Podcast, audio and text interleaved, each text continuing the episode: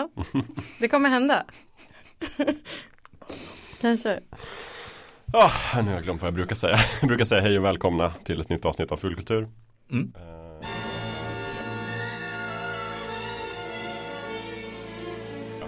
Eh, 2 september. Ja, Vårat rigorösa höstschema är redan inte slaget i små bitar men eh, Det är rätt bestämt. Ja fast jag Lite. tycker redan vi har ändrat det för att Ja, alltså Så det här med var, var vi spelar in har ju ändrats. Men det är så här, vårt höstschema har fått en liten så här tillrättavisande lavett i alla fall. Mm. Tack vare dig Gustav. ja på grund, tack vare du var generös. Det är okej. Vi kör. Det är jättekul. Vi är i alla fall i studion här och vi har såklart Gurka- Gurkan, Välkommen. Amanda. Hej hej. Jakob och Lövel. Hej hej. Eh, vi kommer att backtracka lite det här avsnittet för du ska få berätta vad du har gjort i sommar Amanda. Ja, Och sen så kommer vi fortsätta eh, prata om vad vi har gjort men vi har också ett spännande diskussionsämne ikväll. Ja. Som du har tagit till bordet Gustav. ja, och jag tror när man kollar i flödet så ser man att det här eventuellt är ett Gustav eh, ämne. Jag tror det. Man ser bara avsnittstiteln och så tänker man här har. Gurkan varit framme. Så krummig titel. till. Ja. Mm. Du har ju börjat med en ny grej som är att pitcha liksom dina vildare idéer, lite mer esoteriska live i avsnittet. Mm. Vilket är kul. För då har jag satt en liten uh, chattkrok i. Ja, bara så att ni lyssnare vet. En gång kommer vi prata om det här och det här. Ja. Och då, då, då vet vi att det kommer hända. just det, och då kan folk som sitter hemma i gungstolen och lyssnar nicka och säga så ja, det, det är Gustav det. Man Så hade kunnat tycka att det är lite fräckt av mig. Att eh, hålla ett ämne liksom cementerar i våran kanon live. Jag tänker att det ger lyssnarna tillfälle att skriva in och protestera. Ja, Om de sant. skulle vilja. Var osnälla inte. Eller också hurra på. Ja men precis, Ja, mera så. mm. Eller då, ja, eller om de inte säger någonting så är det mera som ett tyst godkännande. Ja, som att okej, vi får acceptera vart ni än är på väg. Eh, Men vi får se lite hur, hur det blir det här avsnittet. Ja. Det kommer bli spännande att prata om i alla fall. Jag har förberett mig. Härligt. Hur var din sommar Amanda? Nej men alltså jag, eh, jag har gjort så mycket. Jag har gjort så otroligt mycket. Att det är som att jag, men eh, jag hade också en hel vecka som, som jag trodde kanske skulle bli mer upptagen än vad jag blev. Så då liksom har jag, jag, de här sommartipsen som vi hade innan sommaren, jag tog dem och min, min backlog verkligen på allvar. Så att jag har typ nästan så betat av och ja men ikväll är det den här och imorgon blir det det här. Gud, jag blir alltid så imponerad när folk Ja, gör det. det är nästan så att jag skulle ha liksom ett Excel-ark för det här. Mm. Ja, men det har du inte. Men riktigt så har jag inte. Nej. Men jag har däremot de- delat in det i eh, filmer och serier och böcker och Mm. spel.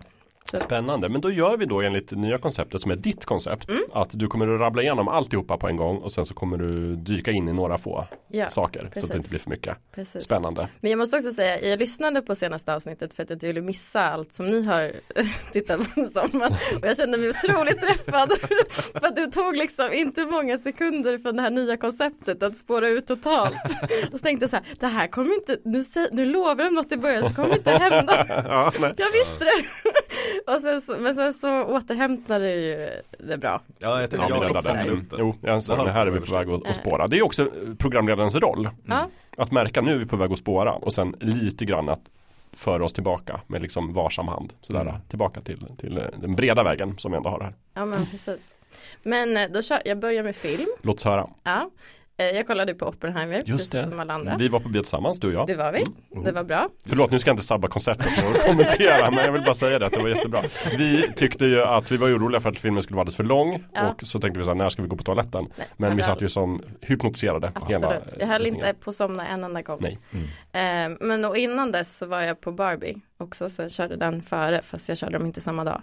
Eh, sen så var ju vi alla på Indiana Jones. Eh, sen har jag äntligen sett Marcel the Shell with shoes on. Åh, så nöjd över det här. Det tog mig också lång tid att hitta den. Eh, och sen så har jag sett Dungeons and Dragons och sen har jag sett Bones and All som Lövet just pratade mycket om Mm. i höstas tror jag. just det, han var på filmfestival. Ja. Mm. Sen såg jag Air. Om, eh, Ben Affleck, Matt Damon, ja, eh, skeppet Precis. om uh, Nike-skorna. Jaha, just Och det. Michael Jordan. Mm, mm, mm. mhm, den såg jag. Bra. Eh, och sen så såg jag också Tar. Den här Ah, Okej, den som var dirigent- Oscars uh, Ja, precis. tippad lika med. Jag har liksom försökt bocka av lite sådana. Ja, visst är Eh, det är Kate Blanchett? eller? Ja. Otroligt, otroligt bra. För jag måste bara flika in supersnabbt om den. För att inför Oscarsgalan Ja, så var det ju, folk hade ju så svårt att eh, sätta genre på den filmen. Är den thriller eller är det en film om musik eller är det ett drama eller är det, vad tyckte du? Eh, mesig tri thriller. alltså den var, inte, det var inte, den var inte så skräck, det var vissa element som var det men den var mer typ som ett otäckt drama. Ah, Okej, Eh, skulle jag nog säga. lite, åh vad heter den? Nocturnal Animals. Ja, ja lite. Alltså ligger de två genrerna vägg i vägg tänker ni och ibland liksom blöder över? Drama-thriller? Ja, Ja, absolut. Ja, okej. Ja. Beroende jag på. undrar. Lite, ja, beroende på. Tänk typ Zodiac, alltså Ja. David Finchers ehm, Den hoppar ju verkligen mellan Mm. karaktärsdrama som blir thriller För då måste ju det betyda att på andra sidan drama ligger komedi. Eftersom att det finns Man skulle väl kunna säga Mm. karaktärsdrama om en inte så trevlig person. ah, Okej, ja Och i inte en så rolig miljö. Mhm. Typ. Men, men det återkommer jag till. Ja, någon gång vill jag se ert Venn-diagram över genrer. Det- Jag skriver upp här. Sen kollade jag, det här liksom ligger både inom kategorin film och serier. Eh, för jag kollade äntligen på filmen What We Do In The Shadows. Ooh. Eh, och sen så har jag också börjat kolla på nya säsongen av What We Do In The Shadows. Mm. Ehm, och sen då så går jag över till serier. Då har jag kollat på Fleabag. Grattis Ni, Bra, hade, ni hade rätt, ni hade rätt. Mm. Väldigt. Du älskade den? Japp. Yay. Eh, nya säsongen av Witcher, eh, andra säsongen av Bear, nya säsongen av Foundation. Jag har börjat kolla på Trust.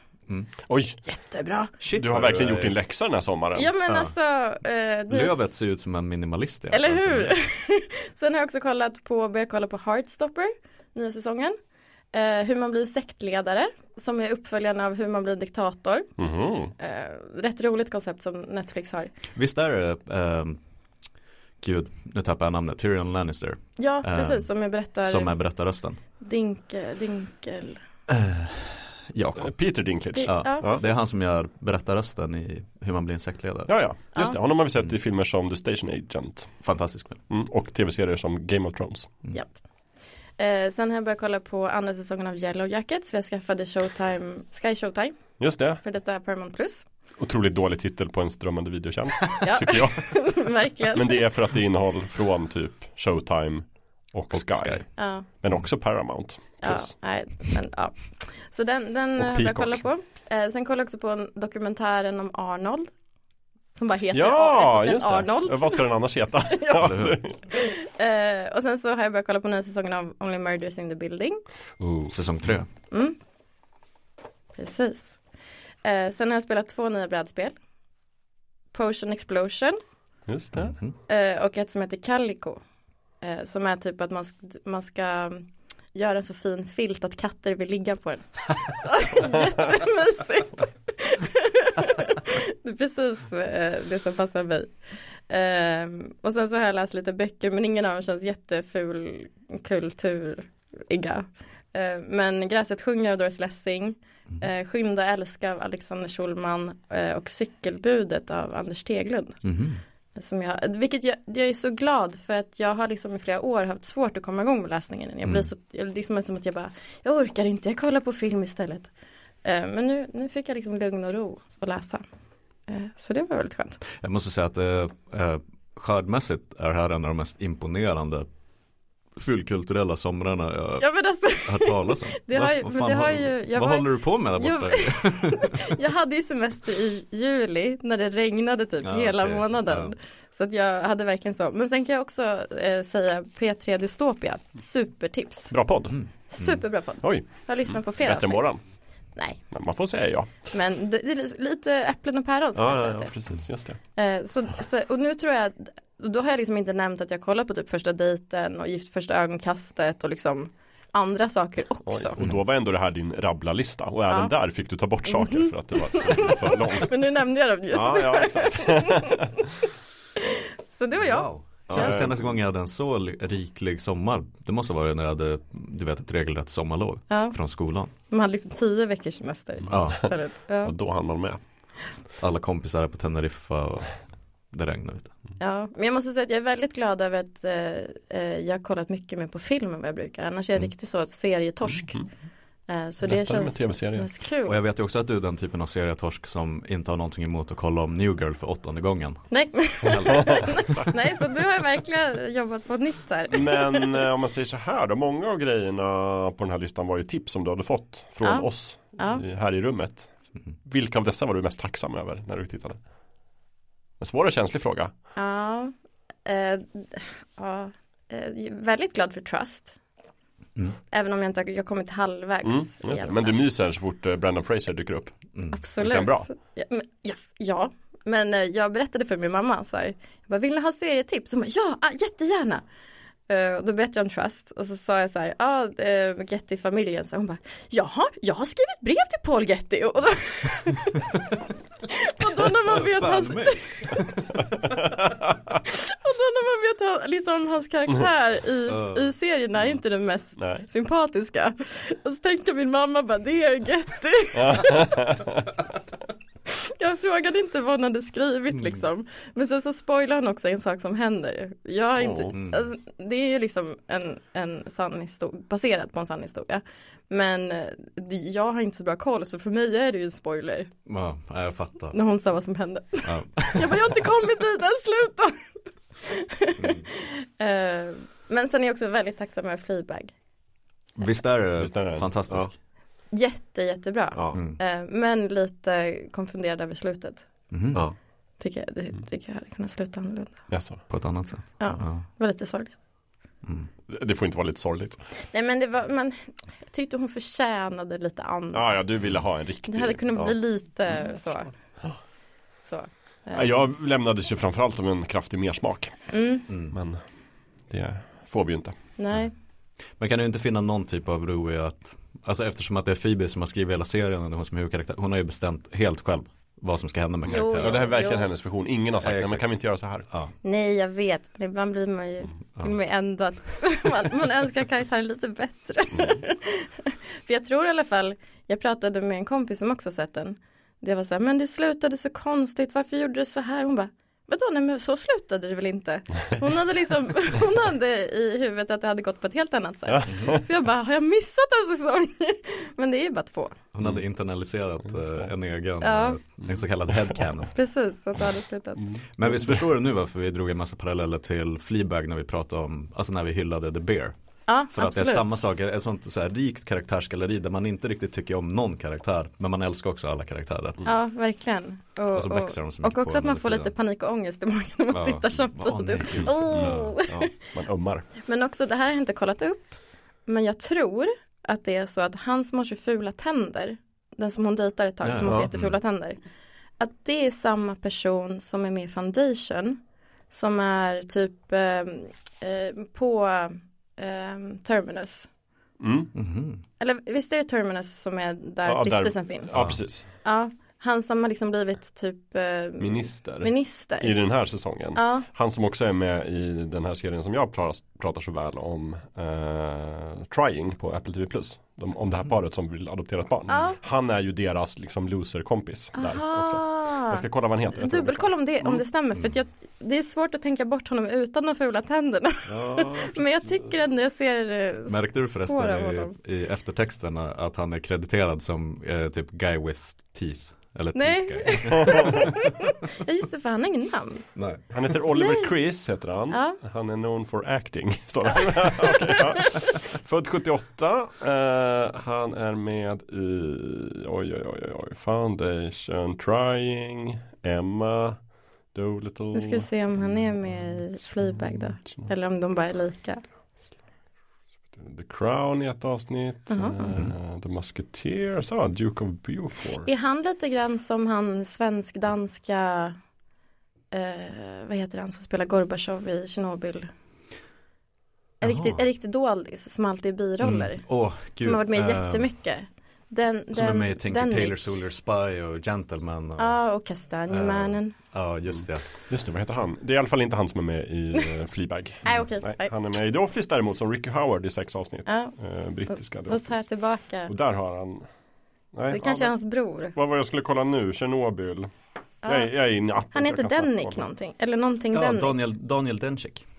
Så är det. Just det. Toppen, han är verkligen som, jag tog ju upp förut för något år sedan i Fullkultur Så gick det inte ett avsnitt utan att jag tog upp eh, Michael Stuhlbarg Mm, Han som är med i Arrival och Boardwalk Empire Han dyker upp överallt just det. och också en doldis Alltid Mm. toppen Men ingen vet riktigt vad han heter typ Nej. Michael Shannon var ju länge så också, som också är med i Mm. Boardwalk Empire och spelar den här äh, agenten. Och är med i en massa, massa grejer. Ja, han är stora hakan. Ja, Ja, och han är också han är med, så han som spelar General eh, Sod i Ja, Man ja, ja. Åh, just det. Han är så bra. Han var ju, för han var ju också en doldis i doldis. flera år. Mm. Sen lärde sig folk att, ah just det, han heter Michael Shannon och han är Ja. toppen i allt han är med i. Mm. Just det. Ja, Daniel Denchek är ju verkligen, Mm. han spelar väl han också, du vet som eh, satt inne för en massa mord och sen så släppt på fri fot. Den svenska som har bytt namn nu. ja, Ja, just det. det Mm, mm. Jag vet precis vem du menar. Mm. Men Han spelar också namn. Fred Åkerström i filmen Cornelis Jaha. Mm. från 2010. Ja. Och med. Wallander och Hamilton och massa filmer. Men han är med i typ allt. Mm. Girl with the Dragon Tattoo, Mm. båda versionerna. Just det. Oj, oj, oj. Här skulle vi kunna sitta hela dagen Ja, listan är lång. vi får ha ett helt avsnitt om honom. Men han är bra i alla fall. Ja, men, men det- nu känner jag, vi, vi får, ni får dra era listor så att det inte spårar. Oh. Ska jag hugga? Ja, gör det medan jag kollar bara vad han med tänderna heter. Så att vi inte lämnar några trådar Nej, sant. det här. Så Nej. annars kommer vi frustrerade lyssnare. Vänta, Eh. vi kan bara först fråga dig Lövet, har du gjort någonting sen sist? Nej, Ingenting, inte några japanska rollspel? Nej, nej. Nej, okej, ja, ja men då tar vi dig Gustav. Okej, nej men eh, jag har eh, Jag var uppe en vecka i Skellefteå Nu Bra stad. härom, härom sistone. Det är därför vi spelar in i, i studio nu Och inte hemifrån tidigare i veckan som var planerat eh, Det skiter lyssnarna i och för sig eh, Men när, när jag var uppe där Det är inte säkert. Men jag är väldigt glad över det, för då hade jag nog inte kunnat vara med. Jag tänker att vi ändå har, inte en stor skara, men att vi har en några få som ändå följer våra rörelser minutiöst och har på en karta och så här och liksom försöker ha pins. flight radar Vart är de nu precis? Mm. Ehm, eh, nej men när jag var uppe i Skellefteå så gick jag på bio och brände en eh, Jag fick en biocheck på företagssommarfesten Ja, just det, den jag har jag hört om. Gick jag förbi och ett tredje plats i Blackjack turnering Mm. Ehm, Det är också lite fulkulturellt Ja, Ehm, Så jag gick på bio och såg eh, Mission Impossible Dead Reckoning Part 1 Oh, ja. efterlängtad av dig. Efterlängtad av mig. Mm. Ehm, Och den kommer jag prata lite mer om. Ehm, Sen har jag så smått, eh, jag är ju mellan jobb nu. Så mina dagar nu går ut på att lite så finputsa mitt CV Var inne på LinkedIn på ett sätt som jag inte brukar vara på Jag hade ju en väldigt pajig eh, eh, LinkedIn-profil ganska länge Aj, aj. Min biografi, det tyckte du om Amanda, var att Brendan Fraser blev snuvad på en Oscar Ja, ja. Tyckte jag. Eh, Men nu när, nu när jag letar jobb så fick jag lite på den påtryckningar att lite. vad fan du får, du får vara lite mer anställningsbar. Ehm, så mina dagar nu är väldigt, så försöker jag väva in lite att så här, spela någon timme Baldur's Gate 3 och se lite serier. Eh, så jag har spelat lite Baldur's Gate 3. Ehm, för samma som när man pluggar så är det så här, plugga i en timme och så sen så tar du 20 minuters paus och så sen så, så att du inte sitter och gör något maraton. Mm. Ehm, så jag vävt in lite så under dagen. Um, kokat lite kaffe och så sen så har jag sett ett avsnitt av Babylon Berlin. Äntligen har det kommit till SVT Play nu. Den tredje säsongen som egentligen är den fjärde På säsongen. tiden. Eh, Ja, shit vad det tar tid. Var de med Sega på SVT Play? Ja. Det är ju som, du vet, det här lustiga med att Beck-filmerna går ju på bio i Tyskland. Och sen ett halvår senare så kan man se dem på TV4 Play De liksom. måste Är känna sin publik. Ja, många Beck-filmer är ju samproduktioner med Tyskland. Ja, ja. Och det var ju samma sak med eh, några av eh, Johan Falk-filmerna tror jag. Gick ju också upp på bio i Tyskland. Men sen kom de hit och så men- fick vi njuta av man. Det där är ju som när vi läste litteraturvetenskap Mm. Jakob. Då hade ju Ebba Witt-Brattström som Mhm. var vår liksom huvud, huvud. Hon var ju inte närvarande överhuvudtaget under kursens gång eftersom att hon jobbade som gästlärare i Tyskland och pratade om svenska deckare. Ja, just det. Det är ett gig man inte säger nej till. De verkar helt galna. Ja, jag tycker det roligaste när jag var i Berlin, en av min, jag har varit i Berlin väldigt många gånger, men en gång var när jag hälsade på eh, en kompis som också du känner, som, Mm. som är därifrån. När vi fick hälsa på på hennes universitet och besöka Skandinaviska institutionen. Mm. Mhm. Ja. Och dessutom Ja, fira midsommar med dem. Det är sant. Firade de midsommar liksom som Svensk midsommar Ja, inom citationstecken. Ja men de hade satt upp en, en duglig midsommarstång där på Ja. gården utanför Skandinaviska institutionen. och lite sill. Ja och sen antar jag att det var lite festligt för dem att tre svenskar var inbjudna. Liksom, Just det, det där. var som att på riktigt. Ja, just det. Men det är väl det är så talande alltså för tidigare nämnda Alex Schulman, du hade Mm. läst Vilken av dem hade du läst? Eh, Skinn och älska. Skinn och älska. Ehm, det är om hans pappa, Pappa. va? Mm. Jag har läst Bränn alla mina Mm, brev ja. innan också. Mm. Ja. Ehm, för han säljer väl ännu bättre i Tyskland än vad jag gör Mm. här kan jag tänka mig. Speciellt hans liksom lite mera deckarromaner. Och så Liv Strömquist pratar väl både flytande spanska och franska och Jag tyska. tror hennes böcker har gått jättebra i, För att speciellt så här. Rödaste rosen slår ut. Jag Just. tror flera har hört liksom Det sån Det rödaste alltså, Ja. i Danmark och sen längre det är ner en europeisk bara- succé. Ja. Byter titeln till tyska och så Mm. byter den till franska och sen så är det liksom den spanska. Ehm, Jag undrar hur de gör, alltså hen, alla hennes eh, serier är ju liksom hand, alltså det är hennes egen handstil. Om Mm. ja, hon, nej, att hon, hon måste lära sig, hon måste skriva om allting för det är ju väldigt mycket text tyska. i små, s- ja, ja. jobbigt. Tänk också på tyska när man eh, det ryms precis i pratbubblan Ja. fjäril Mm. och så måste hon skriva schmetter Ja, så, så, så blöder det över i nästa panel. Ja. Undrar Ja. vad man har gjort. Ehm, nej men så um, Babylon Berlin i alla fall. Säsong, det som är i Tyskland är säsong 4 men på SVT så är det säsong 3. För de bakade ihop Mhm. säsong 1 och 2. Mhm. Ehm, fortsatt riktigt bra. Um, så jag det och så sen så har jag kollat på säsong 2 den här lite otippat så här, det puttrar liksom på och är mysigare än vad det ser ut att vara. Eh, Lincoln Lawyer på Netflix. Ja, just det, med hon från Scream va? Ja, exakt. Mm. Mhm. Ehm, men hon är lite mer i en biroll. Gud vad heter hon? Hon är ju riktigt som Scream Queen. Ah. inte Jamie Lee Curtis. Hon som också var med i Party of Five va? Precis. Ja. Ehm, Alltså ensamma hemma mm, på 90-talet. Mm. Vad heter hon? ja. Hur ser hon ut? Du får kolla upp Hon är men, liksom mörkt hår. eh, mm. Jag kollar. Du kollar. Mörkt hår. Men det är inte Ehm. hon som är med i Pitch Perfect också? Nej, det är hon som är med i Scream. Jaha inte om hon! Eh, Men hon är också med i den här filmen där eh, hon, den andra, hon som är Bondbrud i den här dåliga, eh, den, eller vad heter han, ja. Brosnan-filmen. Ja, När hon eh, är Wild Things eller Christmas. Jones. Wild Things, ja Ja. precis. Exakt. Mm. Eh, som var tillsammans med eh, Charlie Sheen. Ja, exakt, nej, nej, Mel exakt. Gibson. Eller? Ja. Vem fan, vem av dem? Nej, nej, Charlie Sheen. Ja. Eh, hon heter ju Denise Richards. Denise Richards, exakt. Ja. Hon är med i en Eh. film med den här Ja. personen. och lyssnarna ska sitter bli nu och vet redan. Och bara, Men kan de Så snälla spännande Jag bara, vad ska jag vad ska jag söka på i appen? Men vad, Nev, Nev Campbell Nev naturligtvis. Nev Campbell, Just tack. det. Ja. Ja. Som är Eh. äldsta systern i Ensamma Hemma. Ja. Ja, precis. Eh, vad var det med henne? Just det, hon är med i Lincoln med i Lawyer. Ja. Ehm, som hans eh, Ja, ja, första Mm. exfru. Eh, det är en sån härlig touch att han har dem i sin telefon som first wife och second wife. Och han jobbar ju liksom med båda två. Och båda har ju skilt sig från honom av förklarliga anledningar. Ehm, och eh, nej, men den är bra, den är lite så här mysig och den glider in lite i dagens ämne om kompetensporr. För att det är så advokatdrama och hela tiden, lite som i Suits. du Mm, mm.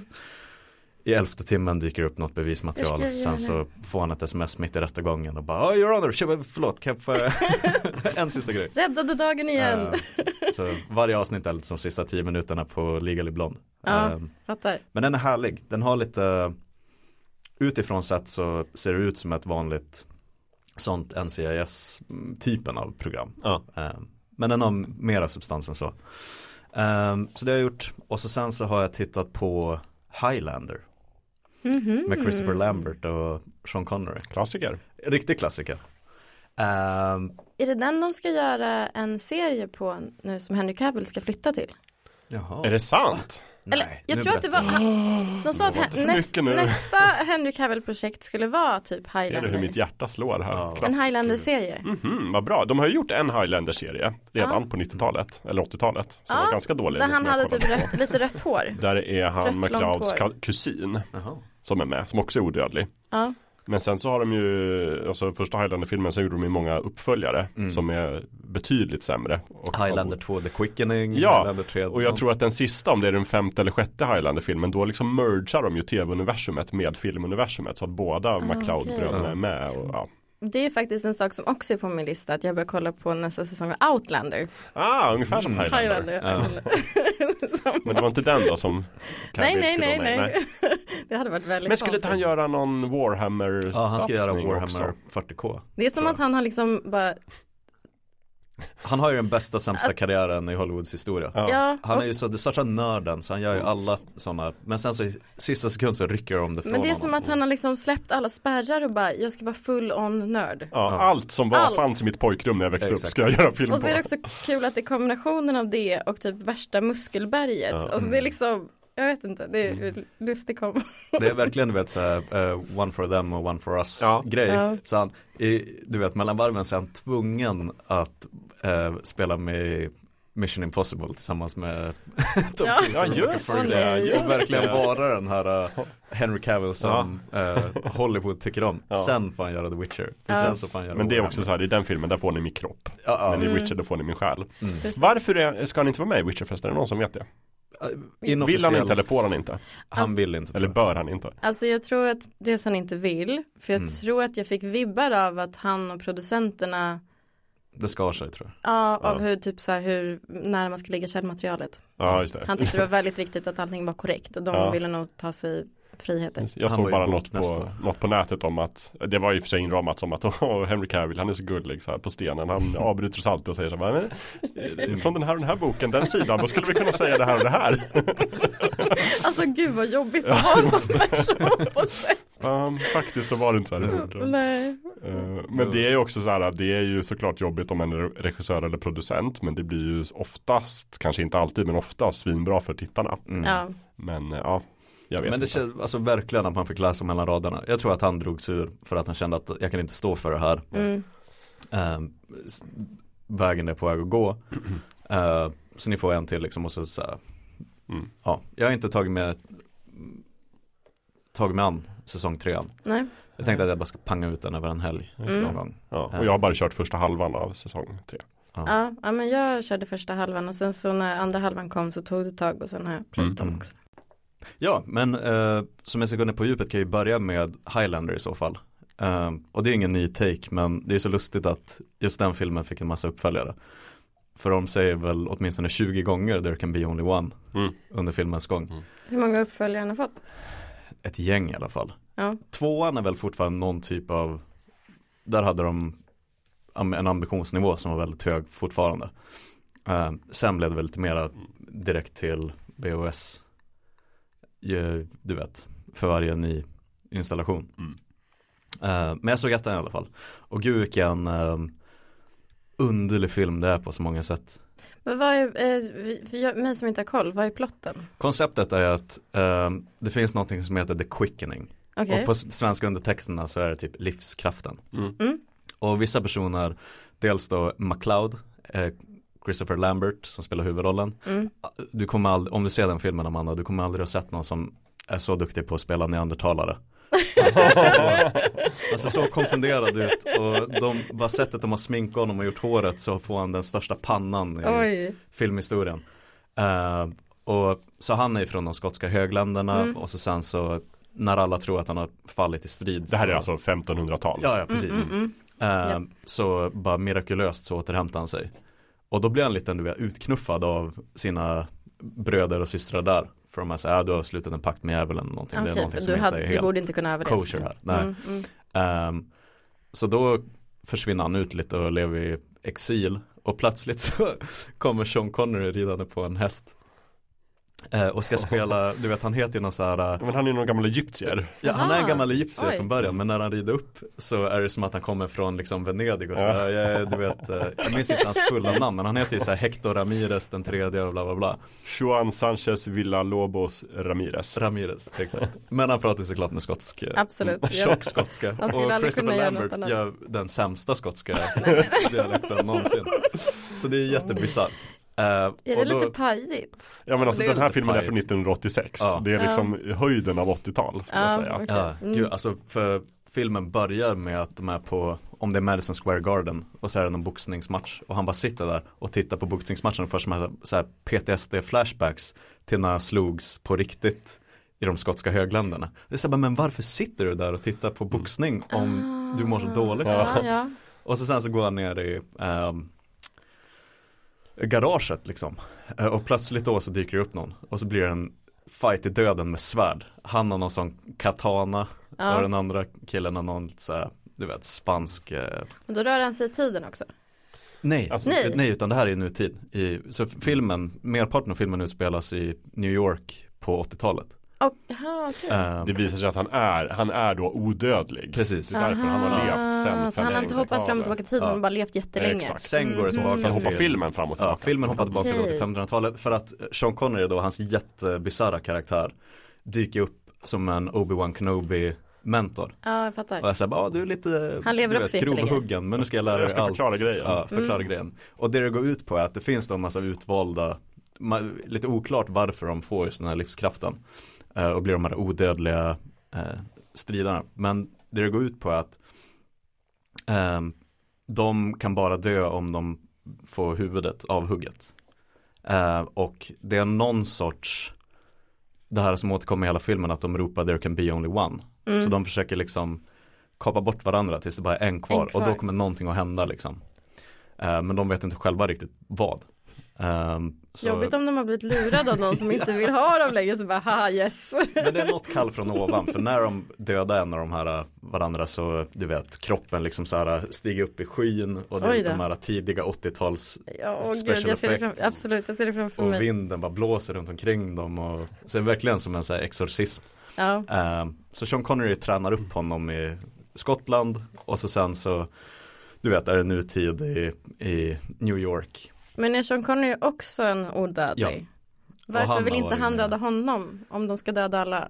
Nej, de är lite vill han- olika inställda till det. Vissa är verkligen så kompisar och Ja. lever genom århundraden med varandra. Medan det är då skurken i filmen, han är ute efter att, Döda alla? ja, Mm. han är någon så här bjässe från, du vet, så här, den mongoliska steppen som bara är ute efter att Men jag, jag tror också att hela grejen är så här, legenden är ju att liksom in the end there can be only one. Mm. Men Ja. precis som i Hunger Games så måste man ju ha takter och. Ja, allianser. jag det är bra för Sean Mm. Connery om han kan Annars ha en kommer annan alla vet att det Ja. kommer att komma en dag när vi måste. Till slut kommer det bli du och jag. Ja. Men, Precis, Mm. Ehm, jag fattar. Nu, okej, då hänger jag Så med. den är ju så du vet, knäpp på så många sätt Men den är ju också verkligen så här en blockbuster från 80-talet Ja. Queen har gjort musiken, det är därifrån Oh. eh, låten så här, eh, It's a kind of magic kommer Ja, därifrån hela den skivan är Ah. egentligen soundtracket det till sant? filmen. Highlander. Med också, vad heter eh, titellåten? Det är ju- Who wants to live forever Ja, En och av deras den jag tänkte på var Princess of the Universe. Ja, exakt, Princess of the Universe, One Vision,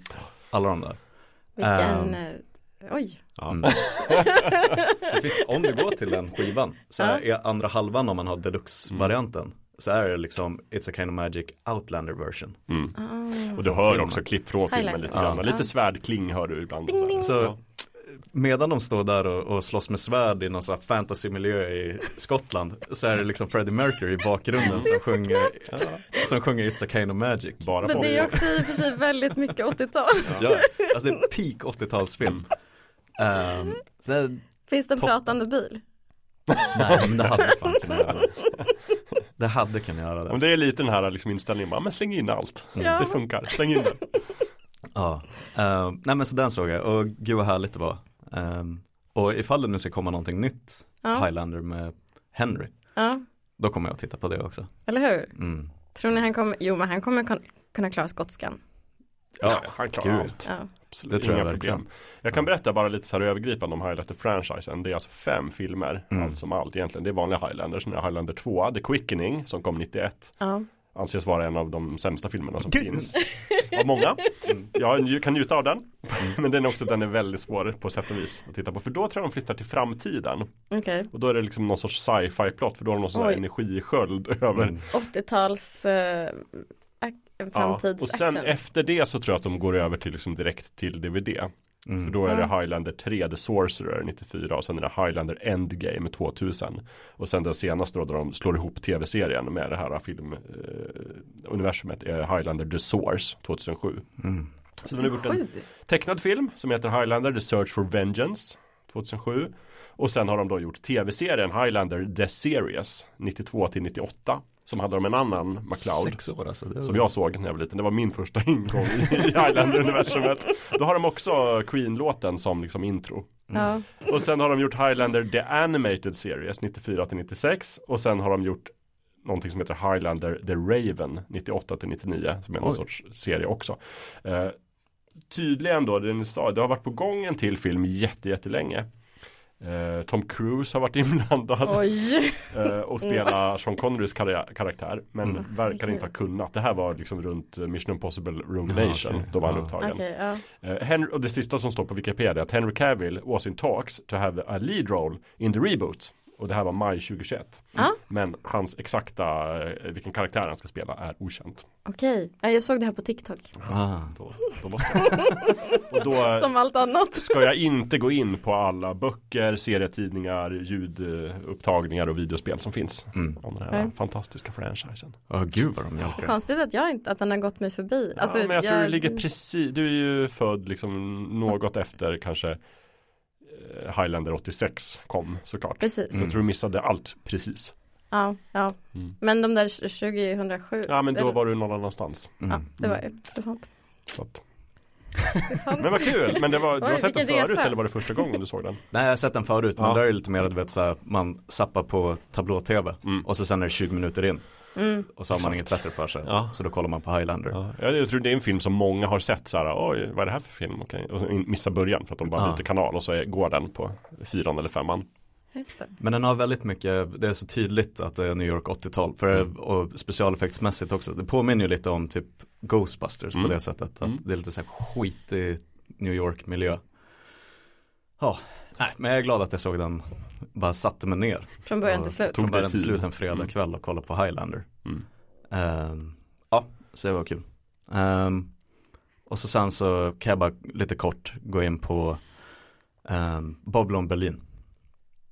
Har man inte sett den så tycker jag att man efter Trust så får det bli mitt stora fulkulturtips. Mm. om den och där ute som fortfarande inte har gett sig i kast med den. Den är så mustig och härlig och lite så ja, noir på 20-talets, 30-talets Mm. Berlin. Just det. Mm. Ehm, och allting som händer med Weimarrepubliken och liksom Hitler i München så han är någon som omnämns i bakgrunden men det börjar komma lite så SA och SS och det är verkligen så här det politiska Mm. inslagen i bakgrunden. Uh, toppen produktion, verkligen. Kanske Eh, den hamnar på min lista då, för den Ja. har jag inte sett. eh, väldigt bra ifall man letar någonting som sagt mustigt Mustigt. Mm. att titta på. Passar bra till hösten. jag ligger ju långt efter Babylon, men jag tror bara sett första säsongen. Mm. Men Mm. nu har jag och min fru mergat, nu har vi enats om att nu ska vi ta tag i det här. Mm. Så att vi kommer att kolla vidare på Babylon Berlin. Ja, för att jag tror att som sagt vill man titta på det senaste då i Sverige om man inte vill ta fram lånekortet då är man liksom i SVTs grepp. Eh, för jag tror att de första säsongerna finns att se både på Netflix och på HBO här i Sverige. Eh, men som sagt att komma ikapp och se den här nu säsong tre på SVT Play då får man liksom passa på nu. Eh, jag vet inte riktigt när den försvinner men sen är det kört. För alltid. Jag får börja kolla på en gång. Jag ska Ja. hinna med. Eh, Men det är en sån, alltså det är en sån stor produktion tänker jag. Den måste ju dyka upp någonstans i, på någon Nej, men eller hur? efter. Ehm, och jag tror att SVT, de får nog svara på folk som ringer in och mejlar dem. Var det Babylon Berlin? Ja. Ja, kom eh, eventuellt till Snart, hösten. snart. Pre- Precis Ja. som jag gjorde med Sanditon Mm. varje vecka till SVT. När kommer Skrev. säsong tre? Så gud Jakob. Jag höll på att säga nej, gjorde du? Men sen fattade jag att du Men sen fattade du att jag skämtade. Ja. Det. Jo, ja, det var ett skämt. Jag, Ja, ja. jag bara väntade troget. Så, ah, nu finns den. Och så tittade jag på den. Och så tänkte jag, det var väl bra att säsong du det tre var den sista säsongen en kanske. gång? Nej, Nej. det gjorde jag inte. Men jag blev ju som mest förvånad tror jag när, när säsong två började och den inte fanns någonstans att se på på SVT. Mhm. Mm. Då Mm. tänkte jag, vad håller ni på med? Va, exakt. Va, sen kom det typ ett år senare. Nej men det gjorde Och inget. sen var de ganska snabba med säsong tre. Och nu är ju serien avslutad. mm. Vilket jag tycker var rätt. Rätt val, kan inte hålla på. Det vart mindre och mindre Jane Austen. Jag tycker lite att eh, det som Systembolaget ändå gör bra, ska, man, ska de ha monopol på alkohol så ska man, man kan ju beställa lite vad som helst från dem. Ja. Och, då, att, eh, och jag tänker att i public service-uppdraget, vill du ha en serie på SVT Play, då borde du kunna Får den. få den. Ja, monopolet ansvar. Mm. Mm. Ja. Så jag kan bara supersnabbt bara nämna att nu på flyget tillbaka till Stockholm från Skellefteå så laddade jag ner och såg första avsnittet av Asoka på Disney Plus. det. Den senaste Ja. Star Wars-serien nu. Mm. Jag har inte ens sett senaste säsongen av Mandalorian. Oj, oj, oj, du ligger långt Det borde du efter. göra. Mm. Ja. Men verkligen, hon eh, Rosario Dawson som spelar Asoka Tano nu, Mm. hon dök ju upp i Mandalorian, en snabbis. Mm. Eh, för det här utspelar sig också liksom efter Imperiets fall Ja. efter eh, Episod 6. Mm. Eh, jag var jätteimponerad av första avsnittet. Ehm, och märks jättetydligt igen att det är liksom en Filoni-skapelse.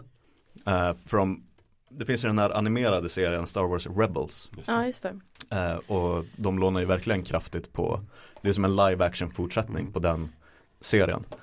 Och väldigt mycket blinkningar till eh, den gamla skolan Star Wars fans för att det är mycket om Admiral Thrawn Mm. och eh, liksom allt det där. Precis, den här bokserien av Timothy Dalton höll på att säga, hade varit Timothy. Zahn heter han som har skrivit tre Star Wars-böcker som på den tiden, på 90-talet, pratade man om den som så här, men det här är liksom den officiella fortsättningen Ja. på de tre Star Wars-filmerna. Wars. Mm. Eh, Det var det ju aldrig, men eh, nu finns det ju riktiga filmer. Mm. Så, men, men just att de har plockat mycket därifrån. Mm. Jag håller med, jag varit också imponerad av första. Och jag var, det var kul för jag kände lite det här uh, Star Wars-suget igen. Exakt. Som jag så sällan känner nu för Jag blev lite tiden. förvånad. Att inte bara, åh, ännu en till Star Wars-serie. Jag vet inte om jag orkar till så här, åh vad kul det ska bli. Och Mm. se lite lightsabers, lite jedi moves. Men så var det väl ändå med Andor. Andor var ju en slamkrypare där tycker jag, för den överraskade ju genom att vara någonting annat. Men, men det var ju, jag kände ju den tröttheten så otroligt mycket innan jag började kolla på Andor. Mm. Det var det som höll mig Mm. ifrån att kolla på Andor väldigt länge. Och till slut började och sa, varför har ingen sagt något? Att det kan vara så här bra. Och så fantastiskt som den serien är så gjorde ju inte första avsnittet Hade man ingen Star Wars-sug så såg man första avsnittet Mm. av Andor Mm. Så var det inte som att man direkt blev greppad av den Nej. Nej, nej. Ehm, Så den byggde lite på att säga bara nej nej nej men fortsätt det är liksom det bästa Star Wars Jag har ju fortfarande, jag såg det i min telefon Jag har fortfarande en screen print När du har skrivit Andor Bästa Star Wars sedan rymdimperiet slår tillbaka Ja, och det står jag för. Och jag tog den där och då för jag var såhär bara nej nu det här han, kommer han ta tillbaka sen. nu har han Det här måste jag bevis på Ja, det. ja, Han har suttit hemma och druckit vin och nu skriver han Galli-Mattias Jag står för det. Men det stämmer Jag, jag står för det, det är Ja. sant faktiskt. Men, men vi kanske inte ska spoila så mycket på Asoka då, om du någon Nej, kommer se den nej. kanske. Ja, det kommer jag absolut göra. Men vet du vem Asoka Tano är? Du- Kommer du ihåg henne från Mandalorian? Ja, jo men det Ja, gör jag. Och jag har sett, det har också börjat komma upp eh, affischer överallt i stan. Ja, exakt. Man Man, kan inte missa. otroliga ansikte. Star, Disney slår på Mm. marknadsföringstrumman. Mm. Men jag kan bara säga att, vad var det jag skulle säga? Jag, kommer inte ihåg. jag tycker bara det var spännande och att den har eh, ganska bra skurkar. Verkligen. Vilket Alltså, inte alltid är Och man sant. får se skurkarna redan första. ja. Mm. Ray Stevenson framförallt. Ja, ja Från- han som så tragiskt har gått bort nu efter det här. Ja. Men känns det som att det kommer vara mer så här Andor-vibbar eller mer Mandalorian, Ja, ett men avsnitt i taget? mera- Mycket mera åt Mandalorian-hållet fast Ja. inte Ja. som Mandalorian utan mer alltså tänk, om, om Mandalorian har tagit vissa grejer från Star Wars-filmerna, de klassiska, så har den här tagit kanske andra grejer. Men Just det är det. mycket mera i den skolan, det är ju liksom så här Mm. Ja, mycket mera ljussablar och de gör olika moves och letar gamla kartor och flyger rymdskepp och sådär. Just det. Mm. Men känns det som att det kommer vara liksom en eh, solid handling som går igenom alla Ja. avsnitt? Det, det är inte veckans äventyr Nej. på det sättet. Nej, Utan det känns väldigt mycket också som att han. Filoni Han har ju Ja. jobbat med många av de tecknade tv-serierna och byggt Mm. nästan ett eget universum utifrån det. Liksom tagit mycket från det gamla Expanded Universe Mm. Introducerat en massa nya karaktärer Det här känns verkligen som hans fortsättning på den Mm, storyn mm. Så att Okej. det här är som, ja men som du sa, fortsättning på Star Wars Rebels Och sen tror jag tanken är också att det ska kulminera i någon slags film Mm. sen. Ja, Han ska ja, knyta mm. ihop alla sina trådar Just det.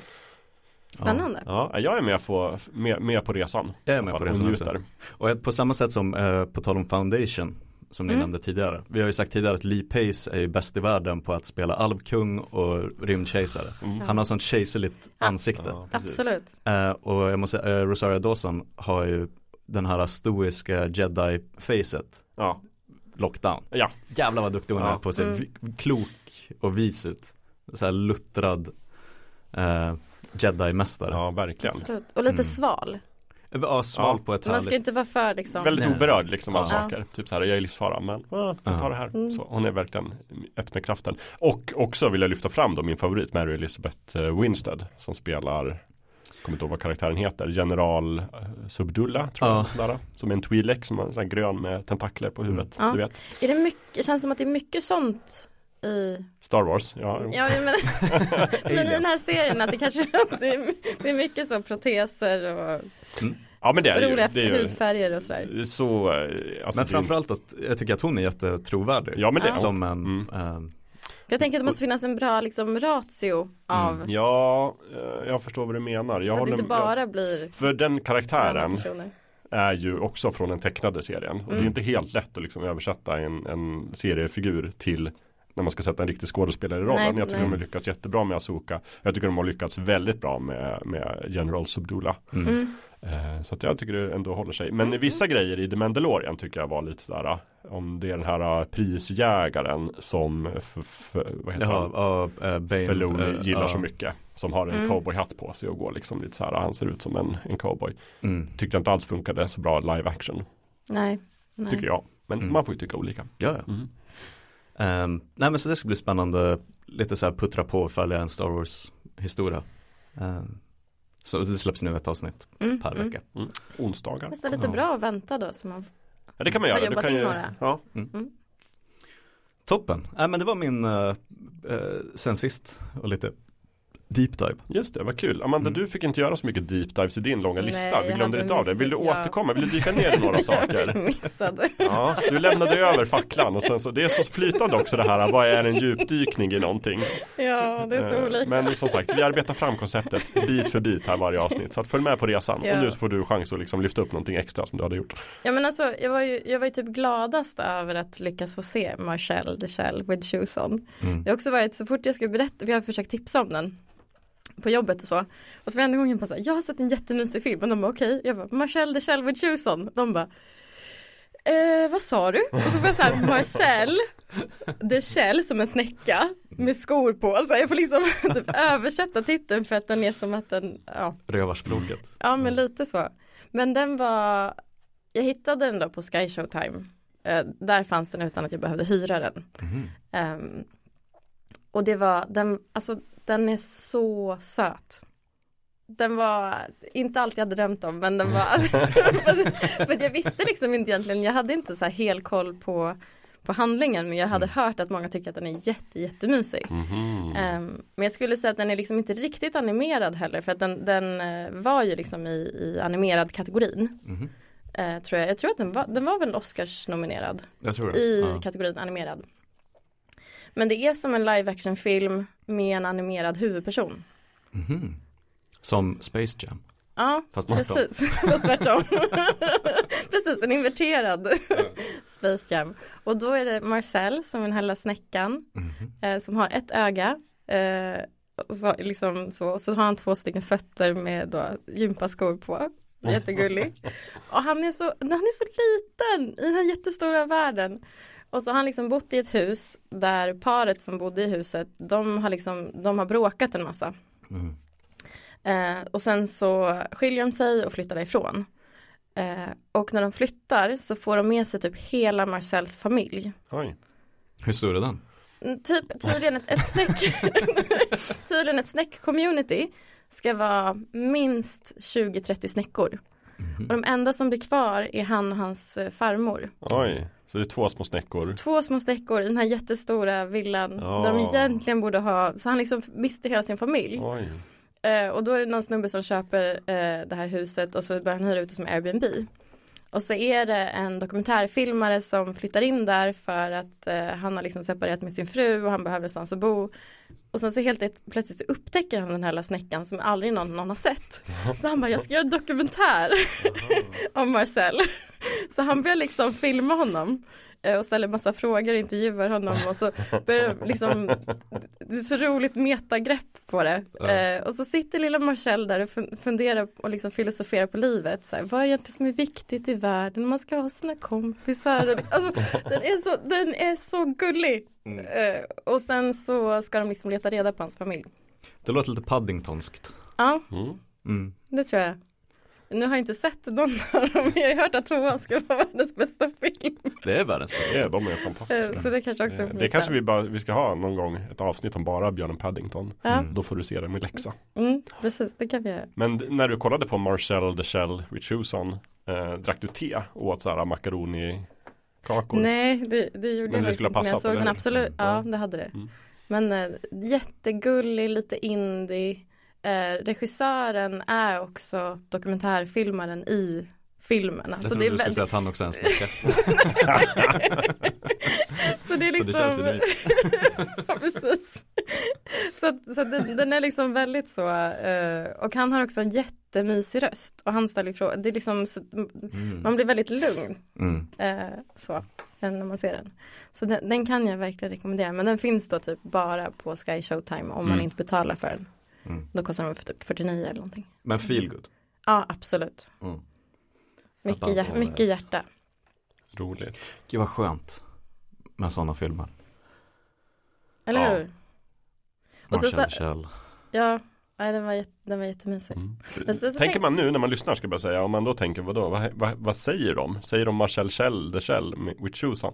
Då kan man bara kolla i länklistan Ja, som publiceras eh, strax efter publiceringen av avsnittet. Då kan man se att den heter Marcel The Shell with Mhm. shoes on. On. Och så kan man klicka på länken och så får man upp Wikipedia-sidan. Supersmidigt. Mm, det är bra. Fyrkulturpodden.se bra. Eh, men och så tänkte jag, förra gången så pratade ni jätte, jättemycket om Oppenheimer. Mm. Jag missade ju den diskussionen. Ja. Men eh, det här är på en helt annan nivå. Men när, när jag och Jakob såg den, jag satt typ och tänkte hela tiden så här, det är ju han, nej men det är ju han, nej men det är ju hon, nej men det är han. Mest det var han för att det var inte så Och det var hon. jättebra på att spotta kändisar. Ja, jag var och- jättedålig. Och sen efteråt så sa jag så här, men du den där personen, du bara va? Vem är det?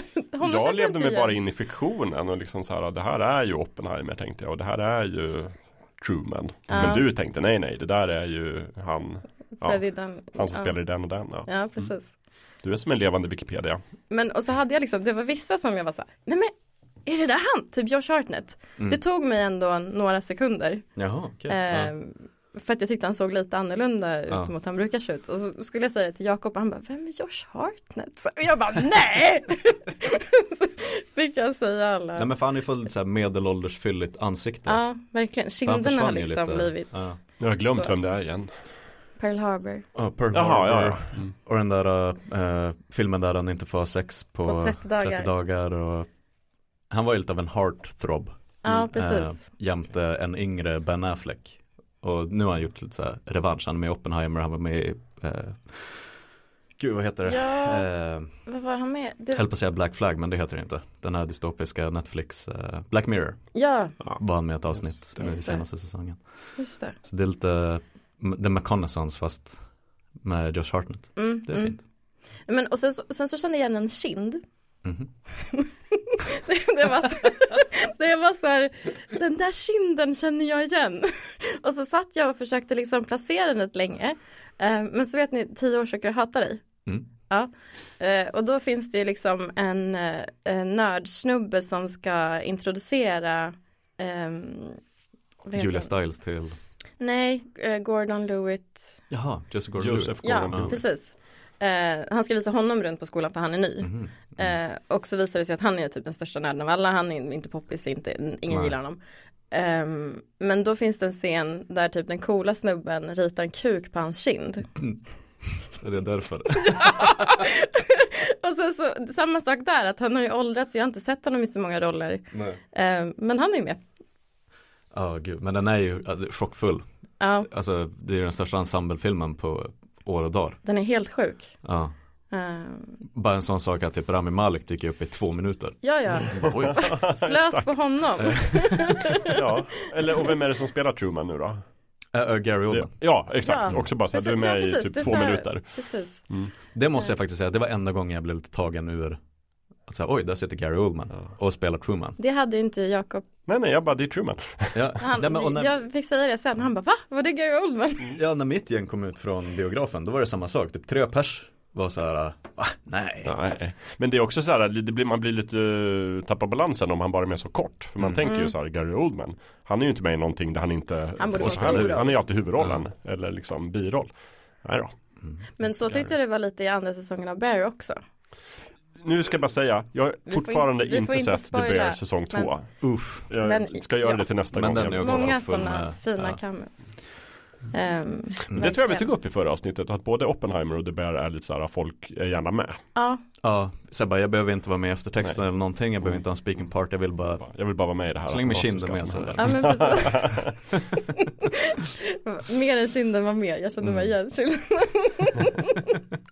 Men jag måste ändå säga att jag tycker, jag håller med er absolut i all diskussion jag hade. mm. Men jag kan inte komma runt att det är lite tråkigt att både som han och typ Wes Anderson är lite dåliga på att skriva kvinnliga karaktärer. Ja men det var det, men Och sa vi det eller, eller bara sa vi det väldigt snabbt? Att det inte var så många kvinnor. Ja, det Vi var kanske inte dök in i det, men jag håller med i alla fall. filmen Mm. nämnde vi det. Ja, precis. Nej men jag tror att alla vi håller med att det var lite korvfest och att det så hade varit så skönt ifall det var mera Emily Blunt och Ja. mera Florence Pugh. Verkligen. Men och det är det som är så konstigt för de är ju uppenbarligen skitduktiga regissörer. Ja. Varför kan de inte skriva bra kvinnliga porträtt som de har med? Alltså så här, jag, jag kan bli lite less på att det när de är så duktiga så ska de fan Mm. kunna klara det. Mm. Ja. Och se till att det är liksom, det är väl ändå någon typ av lägsta nivå. Ja, men man ser ju potentialen någonstans. Om de kan skriva sådana här äh, spännande personligheter Ja. på video. Mm. Varför kan de, om, tänk om de hade kunnat göra det med en kvinna till exempel. Vore ju toppen. Eller hur? Mm. Så det, det var mitt enda så här att jag bara Det satt inte riktigt Just när det händer så här om och om igen Det är okej så här, visst Dunkirk, vad ska de göra? Mm. Men, men när det är liksom genomgående i typ alla filmer Mm. Då börjar man tycka att det är lite så här, men ge dig Mm. Eh, Men det, det är min enda liksom Ja men utmana dig själv lite och försök att tänka liksom, i lite nya banor. Ja men precis För jag tyckte lite, eh, inte för att spoila en film som fortfarande går på bio, men eh, just att Emily Blunts karaktär, när hon ska komma in och vara liksom lite så här karaktärsvittne Mm. kring hela den här rättsprocessen.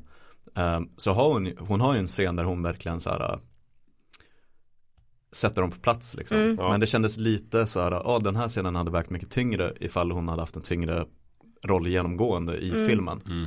För nu var det lite så här en biroll som man inte hade fått, hon var ju med liksom hela tiden. Mm. Men man hade inte fått så mycket av henne. Nej. Nej lite i bakgrunden så här. Eh, plötsligt kom man in och bara såhär, pum, Mm. gjorde ett Mm. stort nedslag.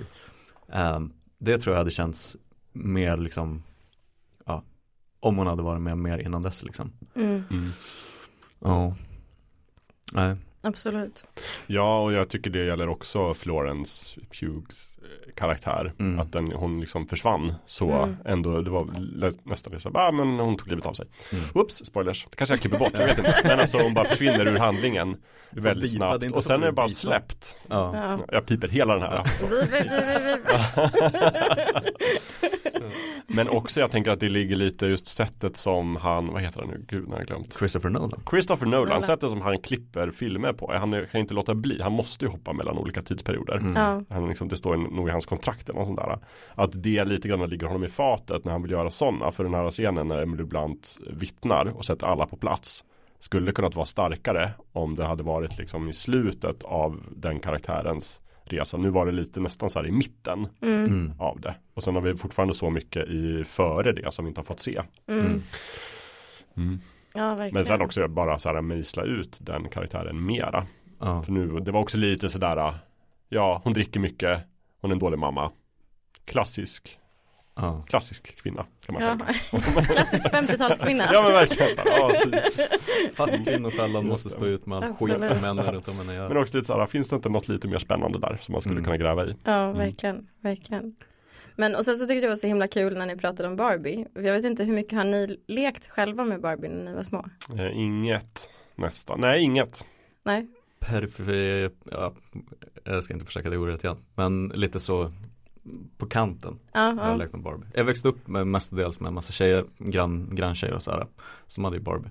Men verkligen det här som dyker upp i Barbie-filmen när de säger så här, bara, nej men det, är slut, det är ju liksom en kort period när man leker med Barbie. Mm, När man är du vet fem till åtta, nio typ. ja. Och så sen så slutar eh, Att så här, granntjejerna, det blev ganska snabbt lite töntigt att sitta och leka med Barbie. Okej, sätt. jag tror att vi lekte nog ändå med Barbie till någonstans i mellanstadiet. Alltså mitten på mellanstadiet Mm. typ. Mm. Ja, och jag ju vuxit upp med fyra systrar men jag kan ingen av dem hade Barbie. Nej, Jag tror en hade en Skippy, ja, eller Skipper. Nej, Skipper är systern. Vad heter, vad heter det som inte är en Barbie-docka? Som är liksom den billiga kopian. Med. Sandy. Ja, Mm. ja, Jag precis. tror någon hade en Sandy-docka men det var det, var det enda. Vi hade ju, vi lekte, alltså jag lekte rätt mycket med Barbie. Ja, Mm. Så jag tyckte, mig. att, jag tyckte att det var väldigt, det var många roliga detaljer som jag liksom skrattade extra gott åt för att jag bara, igenkänningsfaktorn var så hög. Barbie är ju en film jag skulle ha velat se med dig Ja. i salongen. Eftersom Alltså- att du skrattar så gott när du gillar något. Jag och min syster, alltså vi låg typ dubbelvikta, vi skrattades otroligt mycket genom typ hela filmen. Mm. Eh, alltså typ så att vi försökte sluta skratta för att det blev pinsamt för ingen annan skrattade. Eftertexterna rullade, alla hade gått och ni bara låg Vi bara låg där. och fnissade. och där måste jag säga att till skillnad från liksom, jag tycker typ att bland det roligaste som finns är eh, män med mycket makt som är helt inkompetenta. Ja. Mm. Så hela den biten av liksom Mattels styrelse. Ja. Jag tyckte de, vi liksom Du skrattar åt Will Ferrell. otroligt mycket att han var så Ja. inkompetent och Ja, så dålig. det det var jättekul. Just det. När det blev lite pajigt. Ja, det tyckte jag var roligt. Ehm, men, men liksom både den här, jag skrattade jättemycket åt den här Weird Barbie. Alltså den Mm. som man har lekt lite för mycket med så att sen har man har klippt håret på en när man har råkat eh, rita med krita i hennes ansikte. Mm. Ben, benen är åt alla, ja. Ja. precis. för att det där var typ alla mina Barbie-dockor. Mm. Alla var typ så snaggade för att jag liksom började klippa och så blev det inte jämnt och så skulle jag klippa lite till och så skulle jag klippa lite till. och sen så försvann det liksom. Mm. Ehm, men sen så såg jag också, jag vet inte, jag fick upp otroligt mycket Barbie i mitt sociala medieflöde sen. Mm. Eh, och också så en sak som jag inte hade tänkt på. När Barbie är i verkliga världen ehm, och besöker den här skolan. Mm. De tre, som, de tre så här, tuffa tjejerna som sitter där. Mm. Det är Bratz dockor. Jaha. Jaha. Och det är den lite mer Alltså, sassy Bratz, versionen. Bratz med Z. Den nya Ja, moderna som ska vara lite exakt. coola. Just det. Eh, och som är också då liksom så tonårsnäggiga. Den nya givan. Vilket de var. Ja. så det, det var också väldigt Makes sense, väldigt rolig detalj. Okej. Mm. Eh, Men jag hade ju inte, jag fick ju aldrig de här, så här Barbiehusen. Utan jag gjorde liksom ett eget Barbiehus i min garderob. Åh. Så längst ner i garderoben så gjorde jag ett eget Barbiehus. jag satt och gjorde så här små, jag hade lera, så gjorde jag små fruktskålar Mm. som de liksom fick. Och sen så gjorde jag en säng där jag tog alla våra pennor, bläckpennor. Mm. Så tog jag ut liksom fjädern. Och så, ah, jag gjorde, oh, jävlar vad ambitiöst de var. ja det var helt sjukt. Det var, det var väldigt ambitiöst. Men jag var Mm. väldigt glad för jag fick den där bubbliga bilen. En sån liten gul bubbla. Mm. Då var jag väldigt nöjd. Eh, men jag skrattade också jättemycket åt när hon, när hon liksom när det börjar bli fel på henne Mm. utan att liksom spoila för mycket och hennes, hon går från att alltid stå på tå till att hon behöver ha typ Birkenstocks. Att det var liksom, det var så, det var så många sådana små detaljer. Mm. Eh, och jag kommer också ihåg, jag hade en kompis som hon, hon prenumererade på Barbie-böcker. Mhm. Så en gång i månaden så fick hon hem en bok där Barbie hade ett nytt yrke. Så hela den här biten om att så här, Barbie veterinär, Barbie president, Barbie astronaut. Det var liksom, hon hade typ 30 böcker med olika yrkestitlar som Ba- Barbie liksom isade. Ja. Så, På tal om det- kompetensporr. precis. så det tyckte jag var, ja, jag tyckte det, jag skulle kunna se det många gånger till. Ja, det tyckte nog jag var roligast, eller bland de roligaste sakerna i filmen var just Mm. att hon hade så många yrken. För min, min erfarenhet av Barbie är väldigt begränsad, men den är, kommer framförallt från när man bläddrade i olika leksakskataloger när man var liten och ringade för det man ville ha. Då var det alltid så här sidan med Barbie-dockor. Mm. Så var det också alla yrken hon hade. Ja, Mm. ja men precis. Ja, gud för mig var det också de här otroligt um, så här, eh, smaskiga, du vet så här, verkligen kapitalistiska reklamerna som kunde gå när jag var liten och kollade på uh, Cartoon Network. Mm. När man bara satt och sträckkollade som 90s kid på eh, Mm. barnprogram. För då kom det ju så leksaksreklam. Och Barbie framförallt var ju två verkligen sådana liksom Mary-Kate och Ashley Olsen Mm. Tvillingar som satt där och de bara byggde på. De hade väl, Ja. så tv-shop-känsla. De bara byggde på nästa Mm. del på mansionet och så sen så la de, kopplade de på Hästar och allt möjligt man kan ha. Och nu i vuxen ålder så sitter man och säger så här, gud det där är ju Barbie-grejer för 25 000 Mm. spänn liksom. Det är helt orimligt. Sjukt, ja. Men man Ja. bara satt där och var så här, gud vad sugen jag är på att ha Allt. Ja. Och jag tyckte också att den var, alltså eh, som Greta Gerwig, att hon är så otroligt kompetent. Alltså det var så Mm. snygg balansgång mellan eh, någon typ av feministisk kritik och liksom hela det, alltså just det här, det är ju inte egentligen för det blir lätt så att det blir så här, nej men det är jättekapitalistiskt, Mm. Barbie har förstört för alla kvinnor i alla årtionden, typ så här kroppsidealen har blivit helt spe, liksom Mm. åt fanders. Men att det är så komplext för att här, just det här med att här, hon är jättesjälvständig, hon är jättekompetent, hon är jätte, det är massa saker hon också är som är bra. Och att de verkligen gick, jag tyckte de gick den balansgången väldigt, väldigt fint. Mm.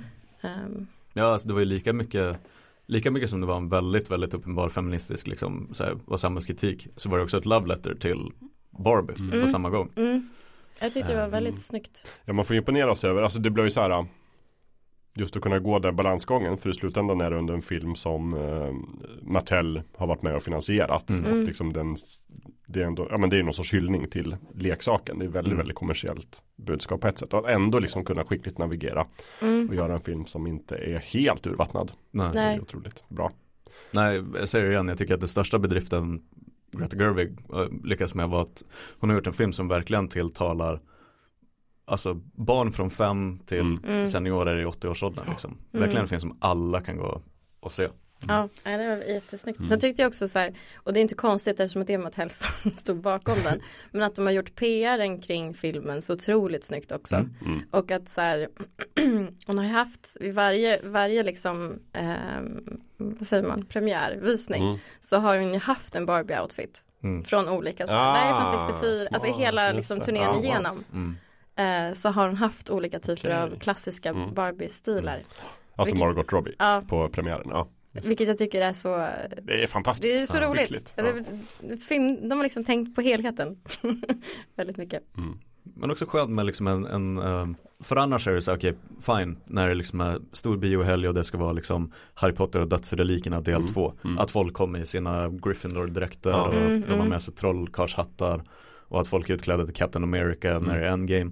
Så jävla skönt att en film som inte är en del av en franchise får folk att springa till Hötorget och gå på Bio Sergel och alla är klädda i rosa Ja. och det är verkligen Mm. en happening. Mm. Och det var ju också smart, eh, för för jag kom i rosa för att jag visste, man fick eh, rabatt på snacksen. Man Oh, hade vad- rosa, man man hade rosa kläder. Va? Japp. Det visste inte jag. Så jag, kom, jag kom i helrosa klänning för att jag skulle få billigare snacks. Men det sätter ju en väldigt rolig ton. Det är. Eh, Och då kunde du köpa en stor popcorn istället Ja, för en mellanpopcorn. Men att det, du vet också att det, att det blev just den här Barbenheimer double feature grejen. Så Ja. att även i en salong som var fylld för Oppenheimer Mm. så satt det väldigt många rosa klädda där också. Ja. För att de skulle panga ut båda två liksom samma, samma dag. Ja, det är väldigt Ja. roligt. Äh, vilken härlig biohelg det var. Mm. Härlig biosommar överlag. Mm. Ja, verkligen. Mm. verkligen. Du måste också, eh, hade du mer att säga om Barbie specifikt? Nej, nej. Då blir det också en lite så här kritisk fråga. Så här, folk har ju undrat på sociala medier vem som tyckte att Indiana Jones and the Dial of Destiny var den bästa Indiana Jones-filmen. Och vi avslöjade i förra avsnittet att det var du. Och det är inte för att kasta dig under bussen och sådär. Men vill du liksom kommentera det på något sätt så? Nej, Står du alltså, fast vid det? Eller har du liksom, nu har du sett, du såg alla på ganska kort. Ja, precis. Och sen, Tätt så, och sen så såg jag ändå Mm. Känner du fortfarande så? Eller hur känner du att? Ja, men jag tycker också att, så här, att konkurrensen inte är så hård.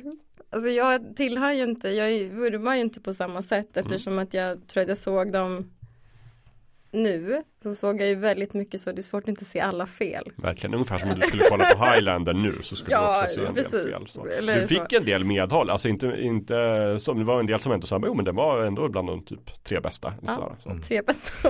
Ingen rasade, Nej men jag, safe space. ja, Mm. nej men jag tror att jag tyckte att den eh, att jönsigheten liksom passade in. Sen kanske inte, Mm. jag var nog inte lika upprörd som ni över första delen. Alltså Ja, även om ni ja, inte ja. älskade den. Tyska Eh, slottet. Ja, nej, ingen var så upprörd som jag tror jag. Nej, Nej. du var väldigt upprörd. Du så, kokade. Ja, och tryckte min läsk så här, Mm. sönder.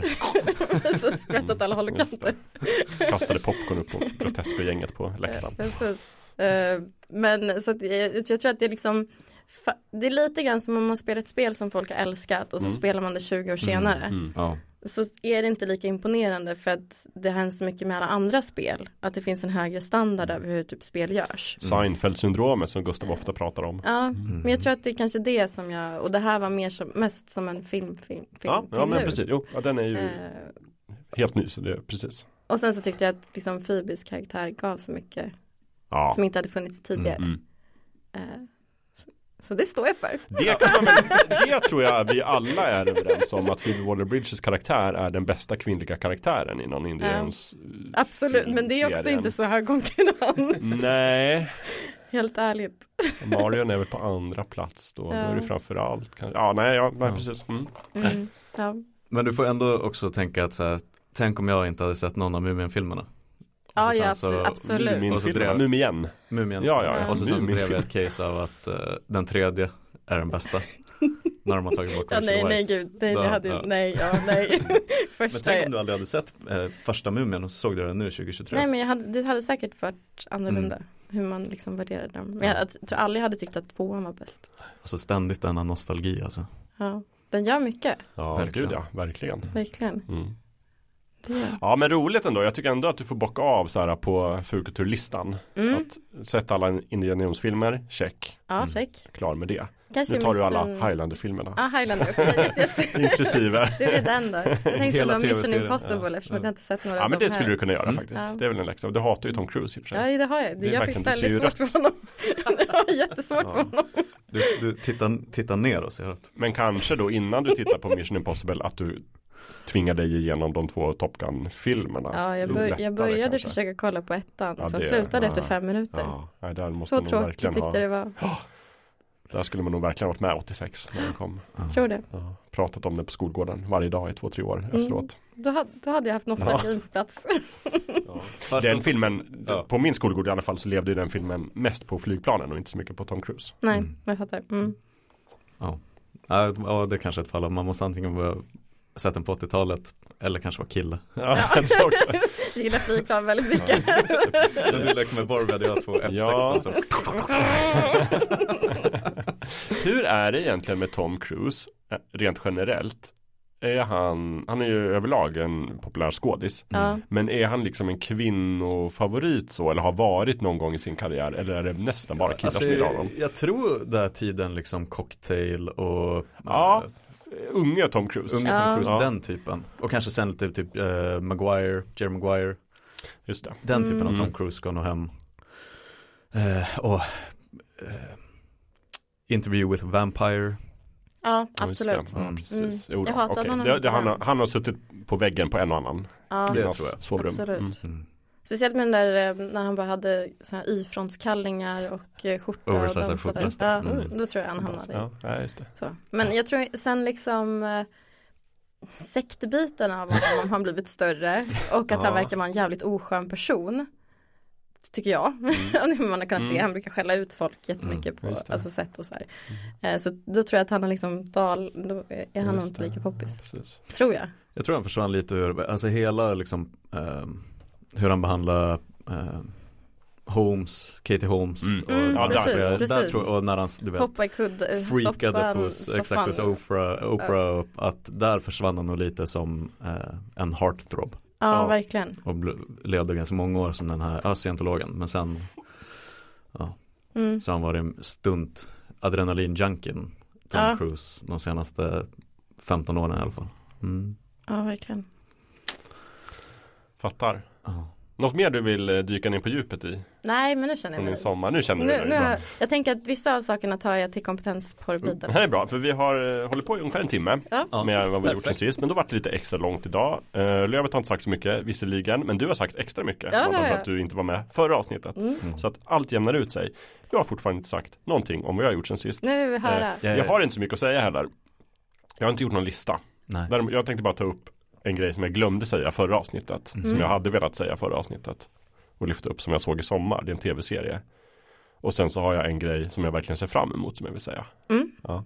Det jag verkligen ser fram emot, på tal om mm, Mary Elizabeth Winstead. Mhm. Då tänker man ju naturligtvis direkt på. Scott Pilgrim vs. The World. Ja, filmen. Med eh, Michael Cera. och en sådär. mycket bra film. Ja, som Också bygger Allen. på en tecknad seriebok. Ja. Som heter Scott, Scott Pilgrim. Mm. När nu Netflix ska göra en animerad tv-serie baserad på serien. Jaha, Med alla röstskådisar från filmen. Okej. nej är det Så sant? uh, Det Mary Elizabeth. Winstead kommer att vara rösten till Ramona Flowers, Michael Mm. Cera kommer att vara rösten till Scott Pilgrim och så vidare och så vidare. Och Alla han. Culkin kommer vara, eh, vad heter han? Eh, Hans kompis i alla fall. Ja. Eh, och det finns en trailer, kommer i november. Jag är omåttligt pepp. Jag Det förstår kommer bli det. fantastiskt. Jag älskar att vi lever i någon sorts ny guldålder för animation. Ja, gud jag med. Verkligen. Jag har fortfarande inte sett Spiderman Across the Spider-Verse. Into the Spider-Verse. Into. Across, nej vänta vad Across. heter den första? Den första heter ju Into the Into the Spider-Verse. Och Den här har är jag sett. Across the Mycket bra. Den Mm. andra heter ju Across the Spider-Verse. Har jag inte hunnit se än. Också mycket bra. Ska se. Väldigt, väldigt bra. Mm. Du, låg du och din syster på golvet och skrattade som vanligt? Nå, När ni såg den? Chippade efter inte, andra. inte Nej. riktigt Nej, lika men ni mycket men vi, ja absolut, mm. vi stornjöt. Köpte du stor popcorn till den? Nej, jag tror vi delar på en mellan. Okej. Mm. Ja, mm. Det var ingen sån här deal att om ni kommer i Spindelmannen-kläder så får Nej, ni nej, rabatt. då hade jag kommit till Spindelmannen direkt. Ja, men jag har inte sett den i alla fall men jag är väldigt pepp. Eh, Jag ska Mm. tänka också när jag ser den så ska jag också tänka på hur många som liksom brände ut sig och slet. Det har ju varit otroligt, ja, det har vi nämnt tidigare men hela den här liksom hur man behandlar folk som skapar filmerna. Ja, Eh, animatörer. precis, och, och den här uh, Writers Strike Mm. fortsätter ju för övrigt. Eh, Och nu börjar vi också se eh, alltså konkreta konsekvenser. Marvel har typ flyttat om hela sitt schema, Mm. eh, tagit bort en del, vi vet inte när den här grejen kommer bli klar. Då vill jag bara understryka att, och jag tror jag talar för alla, att vi står verkligen bakom Ja, ja, krav ja. på att Ja. leva ett rimligt liv trots att man Absolut. jobbar inom film. Mm. Eh, och för min del personligen så kan man säga att det är lite bra på många sätt att saker dröjer. Jag har också varit inne på det här för då hinner man med Ja, men jag har sån backloggen. otrolig backlog och sådär. Och sen mm, som sagt, verkligen så här sympati till de som strejkar. Jag hoppas att det löser sig. Mm. Men eh, jag hinner komma ikapp med en del grejer. Eh, en sak som vi såg i somras som jag skulle vilja Ja. eh, lyfta. Det är en tv-serie på Apple TV Plus. Förstår inte vad Apple Storhet gör. i storhet. Alltså så himla mycket bra grejer. Verkligen. Eh, den här tv-serien heter Platonic. Ja, du åh, den, den? Är, nej men den är på min den är på min backlog. Aha. Som jag inte har börjat på än. Men Ja, den verkar väldigt lovande. ja eh, tio avsnitt, en Mm. säsong. Avslutas tror jag väldigt tydligt. Jag tror inte det kommer någon mer säsong. Mhm. Så en miniserie. En miniserie, jag det älskar ju miniserier. Ja, det här är av och med Seth Rogen, Rogen Ja Mhm. just det, och vem är det som han spelar med? Rose Byrne Mm. Som Sylvia som vi har sett i Bridesmaids Ja. men också som Moira McTaggart i X-Men-filmerna. Mm. Eh, jag har inte sett henne i så mycket men hon är så rolig. Mm. Alltså det här är en sån här, och jag vet inte om det kanske är lite grann av min ålder och livssituation som jag älskar den här serien extra mycket. Mm. Men den handlar ju också liksom om två vänner, alltså Seth Rogen som Will och Rose Byrne som Sylvia. Som har varit kompisar på eh, universitetet och Mm. college och back in the days. Och sen har de liksom tappat kontakten. Och hon har familj och tre barn. Och liksom har varit hemma ett tag och funderar på att börja jobba och sen så skiljer han sig och så börjar de återknyta kontakten. Mm. Och så handlar det bara om deras platoniska vänskap. Ja. Eh, och försöka liksom återknyta den. Och alltså jag känner igen mig väldigt, väldigt mycket. Man skrattar gott. Det finns det obligatoriska avsnittet där de liksom råkar prova droger igen. Och Åh, de märker så här, nej, oj då, nej, det här är inte oj. som förut. Jätteroligt och han jobbar naturligt. Han är ju så otroligt hipster och jobbar såklart på ett bryggeri som Ja. han har grundat Ett själv. mikrobryggeri, Ja, absolut. och är liksom bryggmästare och pratar öl och det, he, alltså det är så och Jag vet inte, alltså jag gillar Seth Rogen ändå Jag tycker han Mm. gör mycket roligt Eh, Han är också, ligger också bakom den här nya Turtles-filmen På tal om Mm. animation Yes. som jag inte har sett ännu Men Inte som jag är heller. sugen på Eh, Men jag tycker han gör det så bra här och som sagt Rose Byrne är så rolig Jag skrattar så Mm. mycket Hon är så himla bra eh, Vad är det? Physical comedy Mm. och säger så Slapstick. roliga, slapstick nästan och Ja. säger så roliga saker och det är bara så superkul. Och hennes man är också så rolig. Han Vem är det? Luke McFarlane heter han. Jag vet inte vad han har varit med i tidigare. Nej. Men han är bara så himla kul som den här liksom otrolig. Han är bara så nöjd med livet. Och han har ett så Men här blir han, slappt jobb. blir han sotis? Nej, Nej. Jo, ja, Ja, lite, i ett kanske. avsnitt. Men det är verkligen, de gör inte, det är inte grejen. Nej. Att det finns en sexuell spänning Alltså mellan serien dem. heter inte Platonic frågetecken. Nej, utan den heter Platonic, utropstecken. Ja. Ja. Ja, Platonic. ja, nej men det är verkligen så. Det finns ingenting så mellan Nej. dem. Det är liksom ett liten subplot. Ja. Men det handlar mer om att han känner att han inte får vara med liksom. För att de har så bra Ja. kontakt. Ehm, Han hamnar utanför ja, cirkeln. ja, men han är också så, och han är, han är typ eh, advokat och jobbar på sitt kontor. Jag är bara så, här, så himla nöjd, åker dit och hänger. Och så här, medan hon är så totalt missnöjd med sitt liv. Ja. Eh, Ja den är rolig Ja, och jag rekommenderar den verkligen. Titta på Mm, den om ni har ett Apple TV Plus konto. Eller skaffa ett och titta på den och mycket annat. För jag har ju också börjat kolla på Foundation Alltså, säsong två. så Jag tycker bra. att den är så bra. Åh, Det är Bästa bra. sci-fi serien på länge. verkligen. Ehm, Verk- Jag har ju efterfrågat ett helt avsnitt och bara prata om Apple Foundation. Plus. Ja, Apple TV Plus. Ja. Ja, det skulle vi kunna göra. det kan du få om du vill. För Mm. Nu gjorde jag en, en Gustav, hjälpa, ja slår vi in, slår in här vad vi ska prata Kan om. vi hjälpa det här eh, liksom, lilla företaget Apple att få lite, få lite Så kul, ja, men så, så kul när man ser liksom en underdog Vi kan, ha, vi kan ha upplägget att vi ska försöka liksom övertala Lövet att skaffa tjänsten. Apple TV Plus. Ja, Ja. det tror jag blir svårt. Men, Ja, jo, han är så kan bestämd. Men, men, men alltså bara så här, ja men det alltså, det hjälper ju att ha liksom 80 miljarder dollar på banken Mm. om Ja. man vill skapa en strömmande videotjänst såklart. Eh, jag, jag måste också säga vi kan ta ett avsnitt om det någon gång. Men däremot det jag hatar, som Ja. jag vill ta, om Apple lyssnar på det här. Sluta visa fucking trailers i Ja. början av Ja. Foundation. Och också typ eh, reklam för deras podd. Jag vill inte se en trailer tyst. från någon helt annan serie och jag vill inte se en reklam för deras podd om Foundation. Nej. Nej. Med det sagt kan jag bara säga att jag lyssnar också på Foundation-podden. Fan, jag hatar när man får reklam om eh, diskmaskiner och jag var på Mio i helgen. ja, men jag, gillar, jag gillar diskmaskiner men jag vill inte ha reklam om det. Jag gillar att lyssna på poddar men jag vill inte ha reklam om det. Nej. Jag lyssnar redan på den officiella Foundation-podden. Ja. Efter varje gång jag sett, varje fredag kollar vi på Foundation om vi orkar. Om vi inte orkar kollar vi det på lördagen. Mm. Sen lyssnar jag på Foundation-podden. Och jag tycker att det är väldigt intressant. Jag älskar sådana här uh, The Official, den här Ja. serien, podcasten. Uh, för de är rimligt långa, det är liksom en timme och sen så pratar de med folk som gör serien. Mm. Och de ställer lite frågor och de hintar lite. Jag tycker att det ger ett, ett mervärde. Paisley som gäst. Uh, inte ah, Fan, undrar om de hade det i första säsongen, något avsnitt kanske. Men de har skådespelare med Ja, ibland och pratar om det. Det tycker jag kanske är uh, inte lika intressant. Nej. Jag vill ha regissörerna och manusförfattarna. Och så får de ställa sig frågorna. Hur funkar den här tekniken? Och så visar det sig att de har tänkt på det. Och bara, jo men så här är det. Det är kul. Och sen så får man också höra, man, vi är ju alla intresserade av liksom hur korven görs. Ja. Alltså så här så otroligt logistiskt utmanande det är att göra en tv-serie Mm. 2023. Så här, bara, men vi spelar in på typ tre olika platser i världen. Eh, Samtidigt. vi jobbar med liksom alla scener och så slussar vi skådespelarna fram och tillbaka med flygplan och sen så bara måste vi åka dit och bygga sättet. Och, Mm. och det här kommer vi skicka till eh, SFX-studion och det här Helt gör vi. Och otroligt. sen bara tänka, vänta nu, om två säsonger då kommer vi kanske ha den här scenen med den här karaktären. Nu är ju de här på samma plats. Vi passar Passa på. Ja. Jättekul. Men jag, jag såg också ett, eh, jag brukar prata om Corridor Crew, en Ja, det YouTube-kanal du. som jag Ja. tycker om.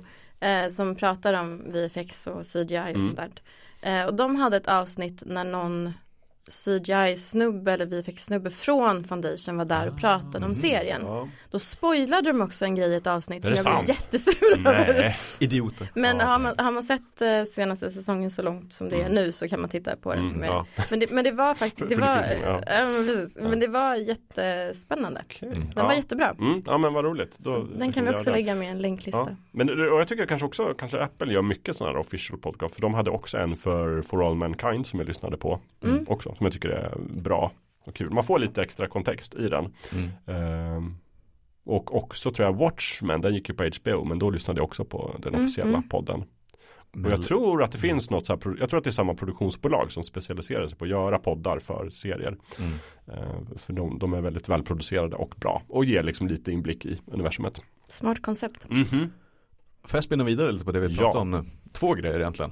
Eh, du vet, tidig Amazon Prime-skede. Mm. När man hade Amazon Prime för att titta på The Man in the High Castle Ja. och de Mm. serierna. Ehm, så lyfte jag flera gånger deras X-ray-funktion. Ja just det. Att på Amazon Prime, om man klickar paus, Kan man då, se det skådisarna. det här är skådisarna som är med i scenen du tittar på just nu. Det här är musiken som Det här är spelas. musiken som spelas, Mm. det här är liksom, så du fick liksom, du slapp eh, gå in på Wikipedia. Det Väldigt här har gått mig förbi. Tryck bara på paus för att du säger, gud vad heter han? Det är han Mm, med kinden mm. med Då trycker man bara på paus, på då ser du, och då ser du skådisen. Exakt. Mm. Eh, men på senare tid så har det där gått överstyr. Det var ju lite av en sån miniskandal eh, kring eh, The Expanse. Mm. Om det var den tror jag eller om det var The Boys. Där det var lite så här kritisk information dolde de i liksom så här extra materialsfliken. Ja Ah. just Eh, att där fick man liksom en så här 15 minuters primer för någonting Det som var The inte- Expanse. Det De var filmade ju massa extra så här, Ja. som, och ibland gör man ju så webisodes liksom. Mm. Exakt. Och det här fyllde de ut jättemycket av handlingen. Ja, Dolt i extra materialet. Just. som man helt missade. Mm. Jag tror att vår- våran kollega, poddkollega André var lite, Ja. grämde sig lite över det där. Ja. Att eh, de dolde lite för mycket i liksom extra funktionerna på Mhm. ja, och det var också tjänsten. tror jag att det går inte ens att komma åt det materialet. Nej. Om man har vissa utrustningar. Alltså vissa enheter. Det går inte att Mm. se på. Typ en iPad till exempel. Mm. Kommer inte åt det. Så det var lite, där får de lite om, om Amazon också. Om Bezos lyssnar så får han lite skäll där. Och så sen vill jag rikta en sista känga mot Google. Nu bränner vi alla broar. Ja. Eh, jag vet inte om ni har märkt det här. För jag är lite så foliehattig eh, när det kommer till internet och spårning och kakor och Mm. grejer. Mm. Eh, så när det kommer till Google så har jag egentligen stängt av allting så här, sökhistorik och till, kopplat till mitt Google-konto. Ehm, så det gör ju att min eh, YouTube, första sidan där, har alltid sett ut hemsk. För då går Ja. den bara generellt på Mm. vad folk tittar på i Sverige. Så det är bara massa Jocke och Jonna Ja. och liksom matkoma Ja. och eh, Mau, mustiga Mauri och skit. Eh, som inte kanske tilltalar mig så mycket. Men jag är fine för då får jag generella liksom. YouTube har gjort en ganska drastisk grej nu. Mhm. Ehm, om jag går in på youtube.com nu. Där är det helt tomt. Det är bara ett sökfält. Oj. Det ser ut som uh, ser ut som Google. Google. Ehm, och så står det bara rakt upp och ner att äh, du har stängt av din sökhistorik så vi kan liksom inte bygga några Vi kan förslag inte ens på föreslå något i blindo. Vi kan inte föreslå någonting i blindo. De, de spelar ju dumma så det kan de ju. Men det är lite som att de har, alltså det är så otroligt mycket reklam. Det är nästan omöjligt Exakt. att inte ha ett Ja. premiumkonto Mm. Och utan att bli galen liksom. Mm, jag har det. Men jag, det- jag har inte ja, jag, det. Jag blir blir galen. galen. Jag har, jag har ju inte det längre. Du borde nästan skaffa för Men du jag- kommer bli galen. Ja, ja, jag håller ju på. Mm. För det är också, jag såg, en- apropå nu, bara öser jag på bensin på brasan här. Eh, jag lärde mig också nyligen att många av de som har konton, om de har inte jättemånga följare, då kan de inte ens välja att stänga av reklamen i Mhm. videorna. Nej. Så det går inte så att det så här, den här videon avbryts av reklam mitt Och det är i. inte mitt val. Det kan vi inte ens stänga av Nej. om man inte har Det kan ju 8000. hända typ så här två, Giriga. två gånger per video. Ja! Och så i början och så måste man Ja. titta. Det är för jävligt. Ja. Mm. Jättejobbigt. Mm. Det suger. Sen jag tycker också att det är lite trist på mobila enheter att YouTube håller det gisslan bakom den, den feta premium. För de har ju ett så här premium light. För det, då tar man bara bort eh, reklamen. Mm. Just Men sen har de ju premium premium som kostar liksom som Netflix. Eh, det är det enda sättet att kunna fortsätta spela upp någonting. När man släcker När skärmen. släcker Ja, just det. skärmen. Den har jag. Ehm, och det är så skönt Det är en ifall det är någon sån en timmes video för att komma ikapp på Warhammer 40K Ja. för att man har hört att Henry Cavill ska Mm. Ja, spela in en exakt. film. Mhm. Men då måste man ha den på liksom. Ja. Och så bränner den batteri och man Ja, råkar ja, klick, så här, fick Ja, klicka det i Men det tycker jag är fult när tjänster jobbar så hårt för att deras tjänst ska bli så dålig som möjligt. Eller hur, de vet vad bra UX är. Ja. Så sen så gör de en 180 Bara kapar de allting. Ja, precis. ja, för det finns ju, funktionen finns ju där. Den Bara, ja, men nu stänger vi av den för att vi vill att folk ska köpa. Exakt. Jag har ju den ändå, dels det men också vill jag kunna ha offline-innehåll, det tror jag man måste ha. Mm, det man måste. Men då, jag blir extra arg då när jag ändå betalar en, liksom, en dyr slant för att få eh, finaste premium på YouTube. Det är en bra bit över Sen är 100 det kronor. ändå en del material som inte går att liksom minimera och lyssna Mm. vidare. Därför att det inom citationstecken är riktat till barn. Jaha. Jag vet inte om det säger någonting om mig vad jag kollar på för videor. Men jag tycker inte det är barnmaterial att kolla på eh, bakom dokumentärer om tecknad film till Nej, exempel. Nej, Mm. Det ska jag väl kunna minimera. Skärp er Ja. Google. Ja. verkligen. Alphabet. Usch. Ja, Ja. Fuck you Alphabet. skärp er alfabet. Så, men då har, vi, då har vi sparkat på Apple, på Amazon och på Google. Google. Ja. Alfabet. Toppen. Mm. Är det något mer företag vi ska kasta under bussen? Ehm, Det kommer säkert hända. Ja okej, Disney i så fall då. Får jag, får jag slänga in en känga mot dem? Ja, det tycker jag. Jag är förvånad över att, för nu när jag laddade ner eh, på min telefon de här två första Asoka avsnitten för att kolla på flyget. Mm. Låt mig välja på ett tydligt sätt i appen vilken kvalitet jag vill ladda ner i. Ja, För nu fick jag ner dem i någon sån ganska 360. Jaha. Verkligen, en Va? sån väldigt dassig 720. Det vill man inte ha. Nej, Du betalar väl? eller hur? Jag satt ju hemma på wifi, ge mig Ja. den här liksom 4K. 4K-varianten Ja. Verkligen. Men nu satt jag där och bara fråga. kisade. Det var Och som att kolla på Lite mobilnät luddigt. slaget om Winterfell. Ja. Fem pixlar där borta som ska vara älskar att det är vårt go-to-exempel liksom När man ser dåligt. Ja. ja, nej fy. Eh, Det var något annat jag tyckte illa om med Disney också. Ja men det är väl bara också, jag vet inte. Det känns också som en här trend i hela branschen just nu. Att vi ska så här, mjölka pengar genom att göra upplevelsen sämre. Dels bara själva plattformarna men också Mm. just det här att de tar befintligt material och bara kastar på elden. mm. Bara nej, vi Mm. tar bort tv-serien Willow. För att det blir en skatteavskrivning. Vad är det? Sluta med det. Men det är också, det var någon annan serie som försvann som är jättebra. Mm. Som försvann från någon tjänst som det är de själva som har gjort den. Mm. Och ändå plockar de bort den. Ja, Ja, Och man bara, men kan ni inte bara Så ha försvinner från skatteavskrivning. Ja, det är, jätte, det är väl ändå det minsta man kan begära. Ja, Eller hur? ja men de tog ju bort Westworld, det var HBO som Ja, tog bort det var Westworld. Det var en av de Westworld. första grejerna. Då var det ju, gick ju folk, korkat. då var det ju headlines och sådär. Men nu gör ju alla det. Exakt. Är- För att spara liksom Men då 8 kan man kronor. inte heller lita på, jag kommer ihåg när vi jobbade på 99 Mm. förut så hade vi en intervju med någon från Playmo som var så här be- tjänst man kunde hyra Mm. film. Just det. Ehm, och då pratade vi om att de liksom, mm, även om du köper en film Mm. så kan du inte lita på att du äger den när du har köpt den digitalt för de kan typ plocka bort den. Ja just det, det står också i det finstilta någonstans om att vi bara bla Vad bla. är, men då kan jag förstå, jag, då kan jag förstå att folk skulle bli mer och mer som Lövet och jag förstår Lövet. Ja. För att ingen, alltså okej, DVDn kan ju, eller Ja, enda sättet kan att ju vara gå säker, sönder. enda sättet att vara säker på att köpa två Blu-ray Ja. av Ja. varje. Och ha ett i valvet. Precis. Mm. Det är, Jo, mitt, jo, det, visst. det, men det alltså, är så jag kommer börja jobba Historien kommer ge framöver. honom rätt. Så Ja. är det. Och det finns vissa guldkorn som man vill kunna titta på när som Ja, helst. nej men också så här, det, för det är, ett, det är många problem. Eh, ett problem är bara att vi, alla grejer inte finns tillgängliga. Jag Mm. letade ju efter Chicken Run jättelänge till exempel innan jag var tvungen att köpa den på Blu-ray. Mm. Eh, men också just det här att när det finns material som är gjorda av en studio Disney. Det finns ingen som äger den så mycket som du. Eh, det finns ingen annanstans än på din kanal. Så plockar ni bort den. Kan vara lite Bara för att spara några skattekronor. Mm. Nej, det är dåligt. Det funkar inte.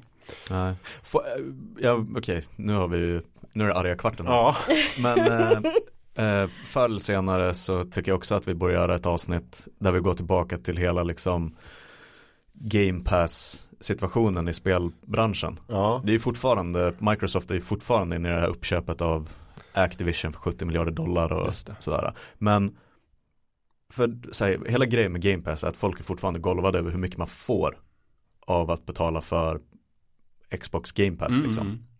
Eh, men, och ett av motargument, motargumenten till hela den här affären alltihopa är ju att eh, ju mer de liksom så här suger åt sig och sätter bakom Game Pass eh, förr eller senare så kommer det komma den här Netflix-höjningen att förut kostade det 89 kronor i månaden men nu plötsligt 149 eh, och för mig är det så, så här varför låtsas vi som att Microsoft inte skulle göra samma grej som Netflix har gjort Mm. Amazon, Google, Mm. Disney allihopa Visst. Att de också kommer göra den att när, vi, när de har säkrat kritisk massa bakom Game Pass då börjar de göra den där uh, låser fast bra UX, bra deals bakom allt Japp. högre månadskostnader. Ja, visst. Och så sen så erbjuder de någon typ av så ja men för 69 kronor i månaden då får du det här. Mm. Och så blir man lite så när man ska balansera sin månadsbudget börjar det plötsligt bli lite otäckt. Mm. Det blir lätt dyrt Mm. med alla de här streamingtjänsterna och all liksom, prenumeration. Mm. Nej, men ju också just att, att det verkar gå i för alla verkar vara samma sak. Att från det att man betalar för att få en bra upplevelse så måste man Mm. så du måste betala för att inte få en dålig upplevelse. Mm. Ja, precis. Det är en tråkig, Tråkig tråk, trend. tråkig trend. Mm. Mm. Usch. Och en trend som vi kommer att prata mer om nu i spelbranschen är med att du kunde betala den jättedyra versionen av Diablo för att få spela en helg innan. Mm. Vilket du gjorde. Och vilket jag gjorde som en Mm. idiot. Mm. Ehm, och nu med Starfield, Bethesdas nya rollspel som precis släpptes häromdagen. Just det. Kan man också betala vad är det, 300 spänn för att få spela fem dagar innan. Det är mycket pengar. Och förut var liksom 300 spänn var ju ett halvt AAA Ja, helprisspel det är liksom. det inte nu. Jag kommer ihåg när det var ett spel. The Sims 1-tiden. Just det, ja, Då var det ett helt spel. Ja. Och de vet ju att folk har suktat efter det här spelet i flera år. Det är klart de kommer att betala 300 spänn. ja. Ja, Så här är det så här, du vet. Jag tror det var en kvarts miljon som satt och spelade nu. Herregud. Och så paketerar man som early access. Det är en Mm. liten bonus för er Mm. som verkligen vill. Vilka pengar de drar in. Oh. Nu blev jag upprörd. Vi behöver ta en kort paus kanske eh, Ja. innan vi kanske ska dyka in i dagens Dagens ämne. Mm. Perfect. Så bara springa på toaletten. Mm. Kanske hämta lite kaffe. Jingel, du, ska kaffejingel. du fråga Lövet något? Lövet, vad, tycker, gillar du kaffe? Nej. Nej, nej.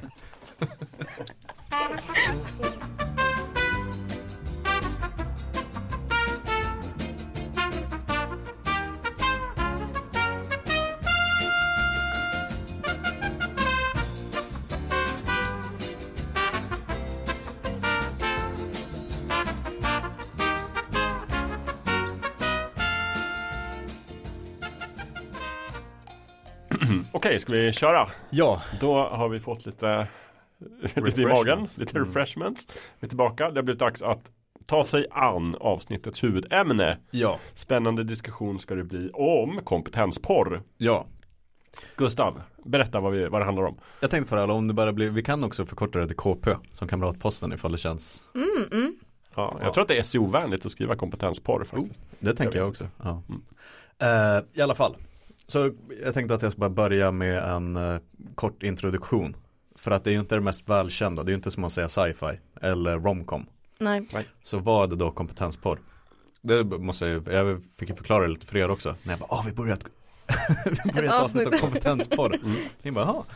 Vad är det? Eh, Berätta mer. Nej men egentligen så eh, kortfattat så kompetensporr är filmexempel skulle jag säga Oceans Eleven eller The Martian med Matt Damon eller tv-serieväg, vad ska vi ta där? MacGyver eh, för det har ju nästan blivit eget begrepp Mm. Ehm, Så det är helt enkelt att titta på folk med spetskompetens utföra sitt arbete eller sitt, sin hobby och att de är bäst på det de gör och att det är sån glädje i att se dem utföra sitt jobb. Eh, Slänga sig med massa svåra termer och Ja men typ. mm. Um, så i fallet Oceans Eleven är det så tydligt att det är liksom de bästa bankrånarna på sina olika sätt och det är aldrig en fråga ifall de ska klara stöten utan det är bara man njuter av att se dem utföra det. Mm. planeringen och alltihopa. Eh, så nu ska jag faktiskt läsa högt från den livsfarliga hemsidan TV Tropes. Oh, Oh. Där man kan fastna alldeles för länge om man är lagd åt vårat håll. stående tips. Mm. Ja, eh, så nu ska jag direkt översätta här från engelska. Att kompetensporr eh, uppfanns, myntades av eh, John Rogers som skrev för eh, Leverage Mhm. tydligen. Mm. Eh, verkar det vara. Så det är ett vedertaget begrepp, det är inte något du bara hittar på? Nej nej nej, Mm, utan det, här, mm. det, det Ja, finns. Bra att det är etablerat. Eh, och på engelska som ska säga It's the thrill of watching bright talented people plan, banter and work together to solve problems. Mm. Så därför som man ju verkligen Oceans Eleven. Mm, mm.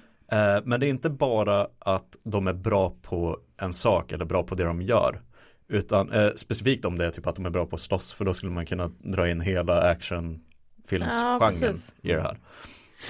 Eh, och det skriver de också att annars hade den ju kunnat appliceras på allt. Utan det handlar specifikt om att använda sin snillrikhet och att det ligger hårt arbete bakom. Så det är inte bara att Jean-Claude Van Damme dyker upp och Nej. sparkar ner en massa folk utan Men vadå, då Ehm.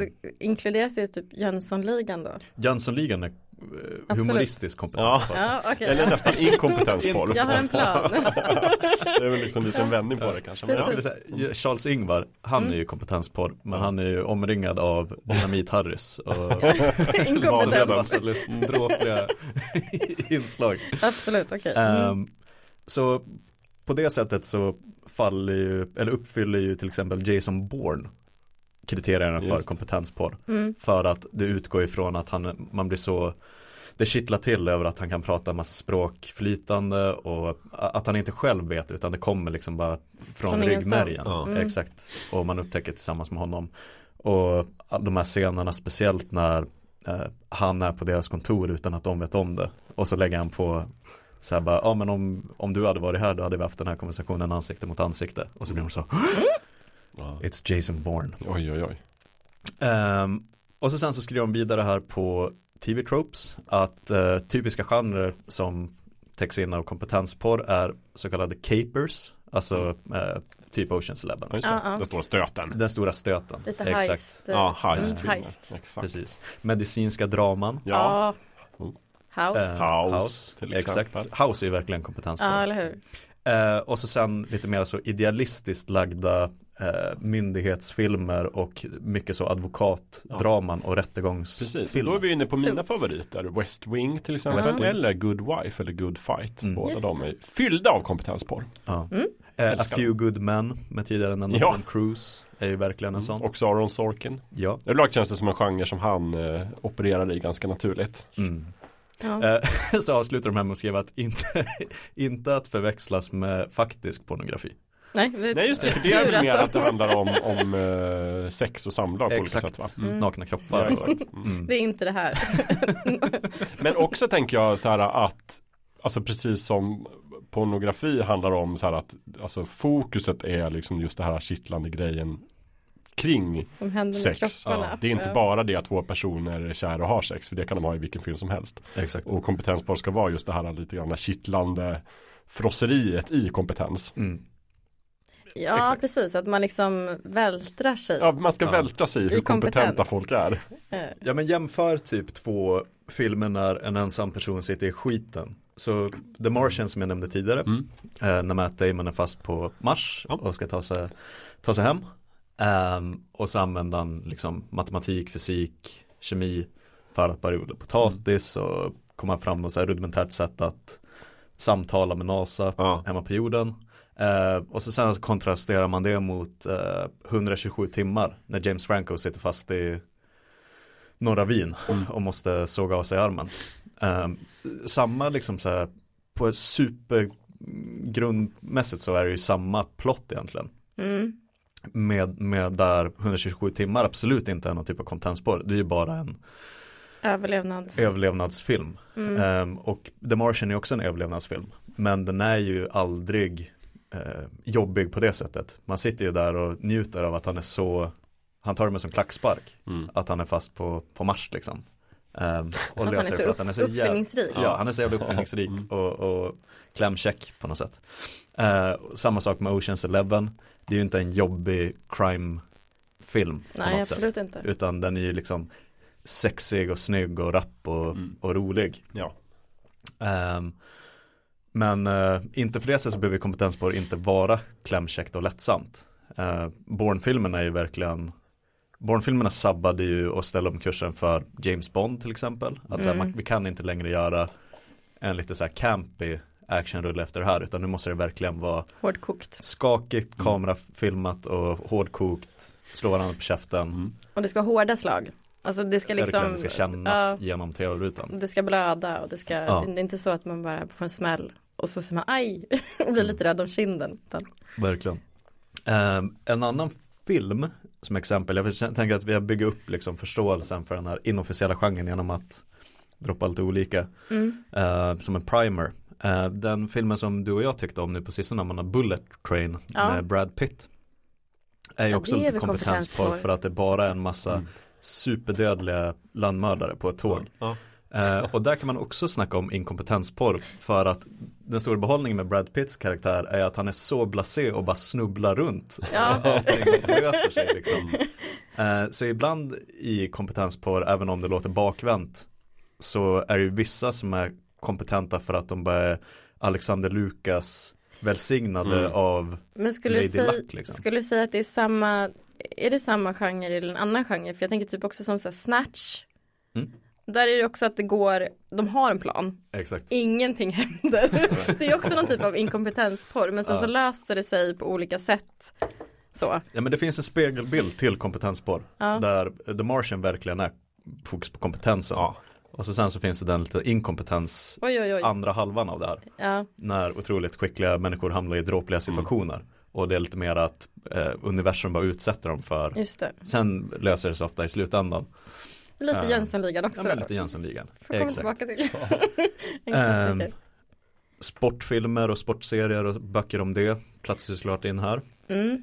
Ehm, och även Detektivgrejer detektivgrejer, alla Sherlock. Sherlock, Holmes böcker Ja. är ju ett supertydligt fall av och det är därför det är så snyggt att böckerna framförallt är skrivna ur Watsons, det är hans mem- Ja, memoarer. ja, ja, exakt. Mm. Ehm, och då får Sherlock Holmes vara någon typ av biroll som dyker upp och bara, nej men det här, jag visste det här efter fem minuter. Jag bara spelat dum och jag ville röka en cigarr innan jag, Det är också kul tycker jag, kort sidospår om Sherlock Holmes. Mm. Att i de novellerna så är det ju två noveller som han skrev så här, nu ska vi göra en twist, nu ska jag skriva det ur Sherlock Holmes eget perspektiv. Mm. Och då är ju storyn är ju att Sherlock Holmes tycker att så här, Watson, han, han förskönar berättelserna så otroligt mycket. Så bara liksom, du, du framställer ju mig på, det är liksom, så där gick det ju inte till. nej. Och sen så får han, liksom, nu, och då börjar han så här, men nu ska jag själv berätta hur det gick till. Men han berättar exakt likadant. det, är så här, det är skrivet exakt likadant, förutom att det är liksom Holmes som berättar. Sen, sen gjorde jag någonting helt Ja, briljant. pa. Jag fattade ju redan från början att det där var mördaren. Skulle kunna säga att jag är bäst Ehm, men även inom kompetensporr ehm, så har vi ju filmer som eh, den du nämnde, Air till Mm. exempel. Eh, Ford vs Ferrari Just har hemma lite där. Den Eh, här Blackberry Blackberry, eh, The Big Short. Mm. eh, vissa utvalda episoder av Silicon Valley-serien. här, när de faktiskt är skärpta och gör rätt saker. Men kan man inte säga att det är lite grann de senaste åren speciellt att det har blivit lite inflation i kompetensporr för när man börjar prata om det jag blir säga ja men det är det där och det där och, och till slut så är det typ all film och alla serier. Exakt. Och, men vi kanske kommer in på det också så här, om vi vill begränsa oss sen lite grann. Mm. Så här, vad behövs det för, för ingredienser för att det verkligen ska vara kompetenspar. Mm. Eh, men eh, det är ju också lite om man ska gå på TV Troops logiken. Så är det ju så här, det finns en genre och sen så finns det liksom straight Mm. examples. Alltså Mm. vad heter det? Vad är det på svenska? Straight? Med raka exempel. Raka Ja, exempel, tydliga inga exempel konstigheter, på- väldigt tydliga. Ja. Där är ju The Martian. Mm. Och sen så finns det kanske lite mera subversiva exempel där man liksom ändå gör med en twist och kanske eh, inkompetens på en Ja. rolig variant. Och sen så finns det liksom så där man helt styr undan Ja. från Ja. genren och liksom det hade kunnat bli en Kompetens kompetensform Men det blev inte det. Det blev inte för det. Nej. handlar om någonting helt annat. Exakt. Eh, Men att det också, med när tiden går såklart, så kommer det in inslag av kompetensform i alla möjliga filmer och tv-serier. Jag tror också att det blev ett sånt, eh, för det, det är ett sånt massivt grepp när man ska göra biopics. Mm. Att verkligen trycka på, eh, ta typ den eh, Steve Jobs-filmen med Michael Fassbender. Ja just det, Nej, Aaron tidigare nämnda, Sorkins. eh, Seth Rogen Ja. spelar Wozniak. Just det, och Aaron Ah. Sorkin då tidigare Ja. nämnda skrev manus. Exakt. Mm. Och Aaron Sorkin, han älskar ju att skriva manus som att alla är hyperkompetenta Mm. på det de gör. Ja. Ja. Eh, det är superrappt och folk älskar ju ett Mm. Aaron Sorkin manus. Men man hör ju direkt att det är han som har skrivit Ja, manuset. Mm. Varenda jävel är ju, Mm. oavsett om det bara är någon assistent Mm. så Alla har är de skitsmarta. trippel Ja, PhDs Just det. och gått en massa kurser i Mm. retorik. Liksom. Just det. Eh, men, eh, ehm, gud vad jag skulle säga. Steve Jobs-filmen, Ja, biopic, populärt. Ehm, att även om den filmen problematiserar Steve Jobs väldigt mycket och försöker göra ett väldigt tredimensionellt Mm. porträtt av honom och med hans dotter och varför heter den Lisa och Just allt det där. Ehm, så utgår det också från att så här äh, geniet Steve Jobs Ja. och även fast han gör sig ovän med alla så vet ju han bäst Mm. och det mynnar ut i liksom macken och Bra iPhone grejer. bra grejer. Ehm, även om liksom så här, hjärtat kanske vill hos typ Bosniak om man är så här, Mm. vilket rövhål han är Ja, men det. att det är Mm. lite Mm. det ska också finnas ett inslag av kompetensporr i det Mm. Ehm, det tyckte jag att de inte gjorde så mycket i ehm, Oppenheimer. Oppenheimer saknade ju helt och hållet ett sånt kompetensspårsmontage. När man ser hur han bygger liksom Ja. imperiet. De Ja. hade inslag av liksom så här, åh den här grejen och de håller på med Ja. tungt vatten och Men jag tyckte inte att de liksom så här Nej. vältrade sig det i sant. Och det kanske Det mer är då en sån här där man styr undan Exakt. från Mm. att bli den formen. För att jag, det jag minns det, han sa ju det Robert Oppenheimer mm. bara som i förbigående i början av filmen. Att så här bara, "Ah, det är ju bara jag som skulle kunna ta hand om det här projektet. Mm. Och så där. Men man får aldrig se något exempel på varför. Nej. Nej, det Eh, om liksom- jag minns det rätt i alla fall. Det är aldrig, man får aldrig se så här varför han är ett geni. Mm. Eller att han är det. Nej, För som till exempel, vad heter den här andra filmen om den här andra världskrigsprofilen? Ja, Turing. Imitation Game Ja, Limitation. där ja. Benedict Cumberbatch, den, om jag minns den rätt så Ja. frossar ju den däremot i hur otroligt beautiful Smart, mind ja. han har. Absolut. Verkligen. Mm. Absolut. Jag kommer ihåg också, jag såg, nu kommer inte jag ihåg vad han heter och jag kommer inte ihåg vem matematikern var. Men det, det finns en film om en indisk matematiker som flyttar till Storbritannien. Ja, ja, ja. Ehm, och han, alltså han gjorde uträkningar som typ ingen fattade vad det var ett svar på, typ. Och Mm. han visste inte hur han kom fram till det. Men när, liksom efter han, hans död så har man räknat på saker och typ alla hans uträkningar har stämt. Just det. Eh, Jag tänker på The Man Who Knew Infinity. Mm. 2015, British bio, biographical drama film about the Indian mathematicians Revinasa Ramunian. Precis, och jag tror att det är han som är med i Slumdog Millionaire Ja, som är, Patel. Just Ja. det. Mm. Eh, den är ju kompetensporr Direkt. rakt igenom. Ja. Eh, det är ju bara typ så här, jag är så smart, kolla här. De verkligen vältrar sig. Det är där Jeremy Irons spelar hans eh, mentor, eller Mm. professorn där. Jeremy Irons dyker också upp i en annan kompetensporrfilm, Margin Call, om finanskrisen. Marginalsamtalet. Ja. Mm. Eh, Heter den så på svenska? Jag vet Nej, inte. ja, jag är så lättlurad. För det är ju verkligen, den, den utspelar sig ju väldigt kort tid när de upptäcker på en av filmerna på Wall Street vad som håller på att hända. Mm. Och så ska de försöka sälja av hela deras portfölj. Innan just morgonen. det. Ja. Ehm, Spännande.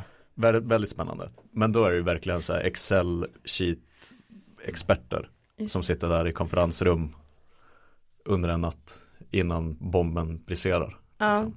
Men en fråga, Succession, är det kompetensspår? Det tycker jag, jag skulle säga definitivt inte. Det är ändå ett makt, det är kompetens i maktspel, eller? Jag tycker inte de är så kompetenta. nej, Nej, nej. Och jag tycker inte heller att de frossar i deras kompetens eller icke-kompetens. nej, det kanske Utan frosseriet där ligger ju i liksom de sociala relationerna. Alltså det är kanske mera socialporr. På- social- Ja, men jag, jag tycker Ja, det är nog att det är karaktärs, kagärsporr. ja. För jag Ja, tycker, sant. men, men däremot den berör ju det lite därför att de pratar ju alltid om sig själva som om de vore superkompetenta i, i det stora maktspelet. ja, men Men sen tycker jag aldrig att man ser något bevis på det. Och särskilt han storebrorsan som är så, uh, han som rappar, vad heter han? Jag har glömt allt om, om Kendall. Succession. Kendall. Kendall, Ja. han snackar ju så mycket skit. Ja, ja, gud ja. Om vad han skulle kunna göra och hur mycket, han bara slänger ju sin nummer. Ja, och men så här, det blir så allihopa. tydligt att bara, men Det var väl någon som sa, pratar om. typ eh, Shiv, All, alla kampanjer hon har varit med i, alltså Ja. politiska kampanjer som ska vara med, de, de har ju liksom gått åt helvete. Så hon är inte heller så bra på Ja. liksom, att Men de har misslyckats. Och då är det kanske också en kommentar på liksom privilegium och sådär. Att så här, ni är ju värdelösa men ni har ju ändå, ni får ju ändå positionerna. För Ändå att er pappa är den han är. Då skulle jag säga att den andra populära imperieserien, Billions, den lutar sig lite mera in i lite såhär det suitsiga. Mm. Att de försöker uppa varandra med Mm. vem som är mest liksom savvy inom Mm. finansvärlden. Just det. ehm, på något sätt. Men, och Suits är väl också, Ja, kompetens. Kompetens. Otroligt, Otroligt kompetens mycket. Ja, speciellt de första säsongerna. precis. Ja. Jag glömde titeln men den är ju väldigt, Ja. väldigt så. Ehm, och på tal om Oren Sorkin, alltså alla Oren Sorkin grejer är ju det. Men jag, vi nämnde Steve Jobs-filmen men jag tänker också den här Facebook-filmen. Ja, Social, Social Network, Network. Där Mark Zuckerberg är så, så här Alltså å ena sidan visa att han är bristfällig som person Å andra sidan liksom bara så här nästan Geni. som en självklarhet Han är så otroligt briljant Mm. Att han är så frustrerad på andra som inte är lika smarta som honom och Mm. liksom, Det är verkligen det här frosseriet i hans kompetens Men eh, kan finns det deckare som inte är kompetensporr? Ganska många tycker, eller jag tycker att ett grepp som var jättepoppis där eh, back in the days när vi spelade in det här avsnittet om Nordic Noir och, Ja. och Mm. deckare och thrillers och crime överlag. Mm.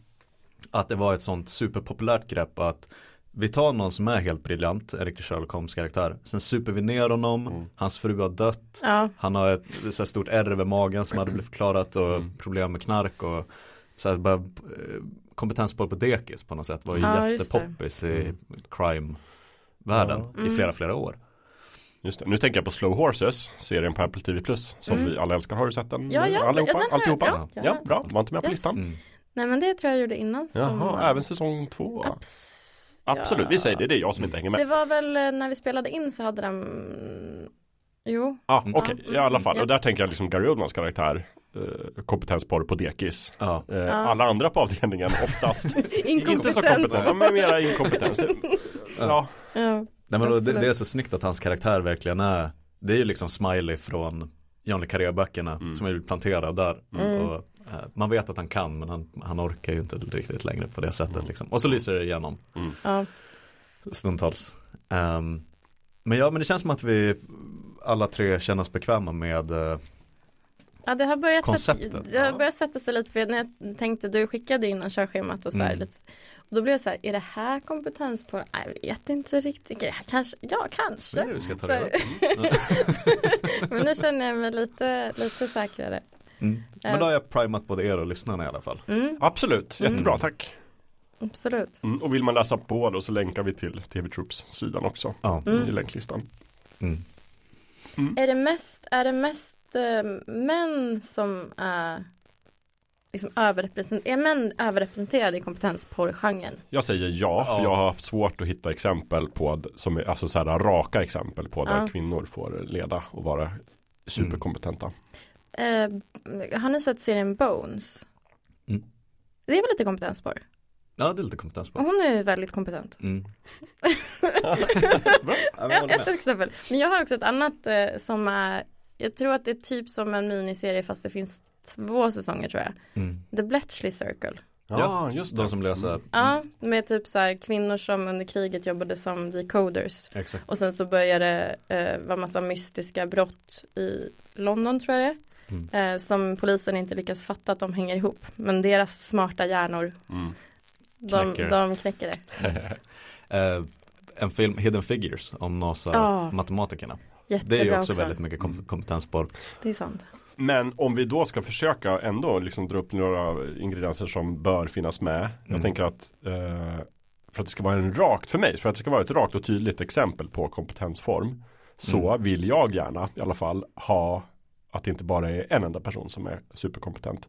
Mm. Utan att man också lägger tid på hur ett team tillsammans är kompetenta. Mm. Jag säger inte att det är så en nödvändig ingrediens, men jag tycker att den blir lite rikare av det. Mm. Återigen om vi tar The Martian som exempel. Så Ja. är ju inte, det handlar inte bara om hur kompetent Matt Damon är. Utan det handlar också om hur otroligt kompetent folk på NASA är. Mm. Och de andra astronauterna. Som sitter där och liksom, ah, hur ska vi få hem honom? Det är väldigt mycket den biten också. Som, som gör alltså själva porrbiten kommer in. Ja. Vet, specifikt den när han är där på Mars men också ehm, alltså eh, Glovers karaktär som är den här supersmarta, alltså Childish Gambino, ja, ja. supersmarta matematikern Mm. som eh, du vet inte alls hör hemma liksom i finrummen på Nej, NASA, men han nej. blir inringd för att han är liksom För att han är kompetent. för, han är för kompetent för att de ska gå miste om honom liksom. Men då är Robinson Crusoe också kompetenspar. Mm. Mm. Det tycker jag. Ja. Ja, typ Tom Hanks i Castaway har ju inslag av kompetenspar. Ja. ja, men inte riktigt lika. Men in, inte så För visst, i, Robinson hade jag- Crusoe, där på marknaden så här bygger jag mitt, eh, mitt hus. Mm. Den med Pierce Brosnan. Pierce Brosnan. Ja, ja, precis, just det. jag förstod ju direkt att det var den du tänkte på. Eh, ja, men då i, både Robinson Crusoe och Castaway så hade jag ju mått bättre då av att det var ett team som Ja, ett ja. Men det kan ju inte vara det på en öde ö, det förstår jag. Men eh, skulle du säga House, Ja, är det liksom, för han är ju så mycket smartare än ja alla nej, andra. okej, det är fortfarande kompetenspar. Det är bara det att han är solo. Men han, har- men han har ändå, alltså hans kollegor, är inte, de är inte inkompetenta. Nej. Ja, men jag, jag ångrar mig då. Det behöver inte alls vara ett team för att det ska vara kompetensform. Men jag gillar bäst när det är ett team.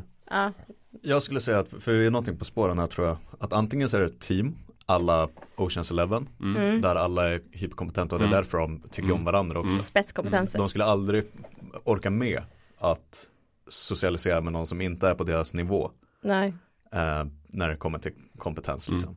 Eh, men annars, om det är en enskild aktör, typ House eller Jason Bourne eller vad det nu kan vara, då måste det hela tiden, karaktärerna runt House måste hela tiden påpeka, så det Mm. måste hela tiden bygga kring att han är så jäkla smart. Ja. Eh, och i vissa avsnitt av House, där är det nästan som att de bara Ska vi ta kaffe? Han kommer ändå komma på spelet där. de, de sista Vi fem kan ta det lugnt. Eh, så att det måste hela tiden på ehm, I Jason Bourne till exempel så är det hela tiden När de är i de här kontrollrummen på CIA att de är så här "Där- Ni har aldrig letat ett så här svårt mål Underskatta inte den här personen Han är så Mm. kompetent, han är så Mm. kompetent Att det hela tiden eh, reflekteras över hur briljanta de är liksom. Ja. Mm. Och Typ folk blir rädda så fort de hör hans namn. Ja men typ. Oh! jag kommer dö. Nej, men jag tror att det det handlar om kanske är att man på olika sätt i verket måste belysa kompetensen Exakt. på något sätt. Ja. Och det görs väldigt effektivt om de är ett team som Mm. alla är väldigt kompetenta och åstadkommer otroliga saker. Men sen Mm. kan man belysa det på andra sätt. Ett sätt är just att ha så här, en person som sticker ut genom Mm. att vara liksom ehm, Mark Zuckerberg i Mm. filmen eller Dr. House. Mm. Och då är det ofta så här, då ska man ofta ha den twisten också att han är vidrig som person. Men han är så briljant att vi Han kommer undan han med måste, det. Ja, han kommer Ja. undan med det. Men där måste man säga, John Wick är väl verkligen Ja, John Wick är är så här, kompetenspar. det rakaste actionexemplet Ja. på kompetenspar. Mm. Samma sak Precis. med de här eh, Denzel Washington-filmerna The Equalizer. Ja, just nu, det. eh, Det är så Mm. tydligt gjort där, för det kommer väl från en eh, tv-serie sen innan och skitsamma. Men han är så tydligt att han går in i ett rum, massa skurkar och så sen så startar han sin stopwatch. Ja, Mm.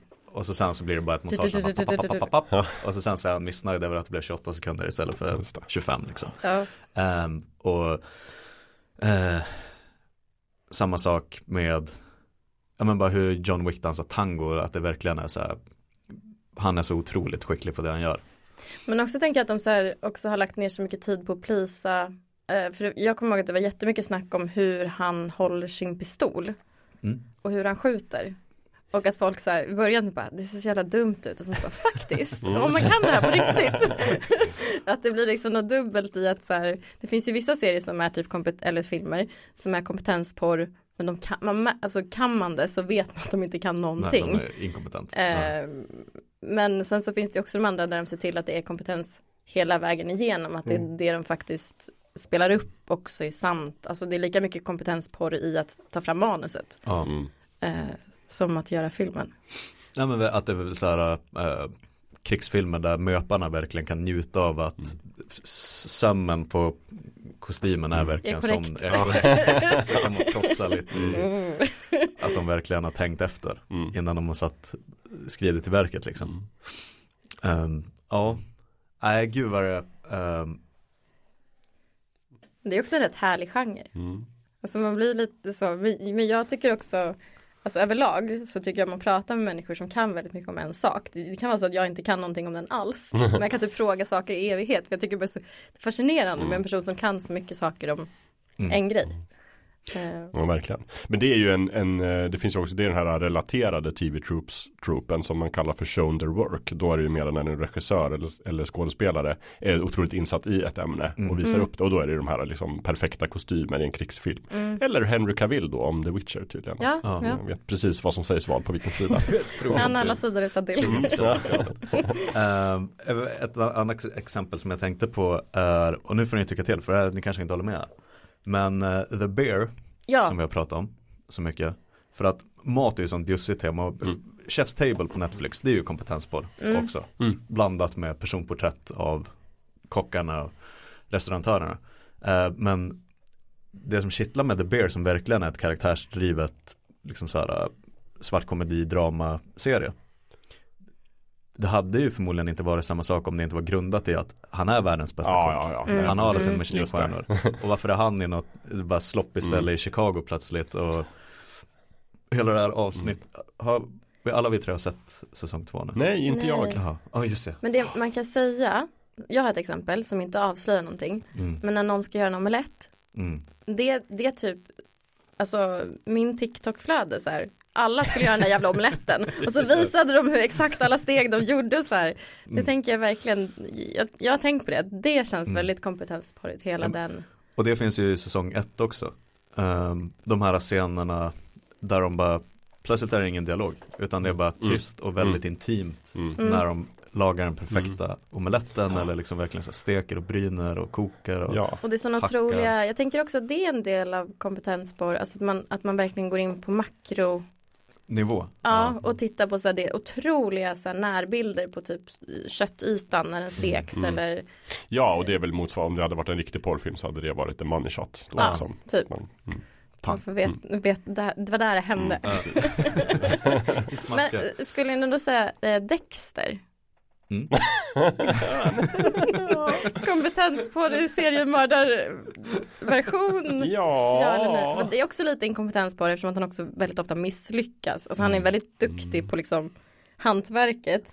Ja, men jag tycker den trillar dit ibland. Jag kanske inte tror att de hade tänkt så här, nu ska vi göra en kompetensform eh, kompetensporr tv-serie. Men jag tycker Nej. absolut att den lyfter upp inslag av kompetensporr ibland. För att den, den dröjer sig ofta kvar vid hur han liksom planerar sina mord och liksom eh, klär in rummet i pl- Däremot plast så får man inte se honom så jätteofta döda någon. Det är mest före när han har samtalet och visar bilden på Mm. Mm.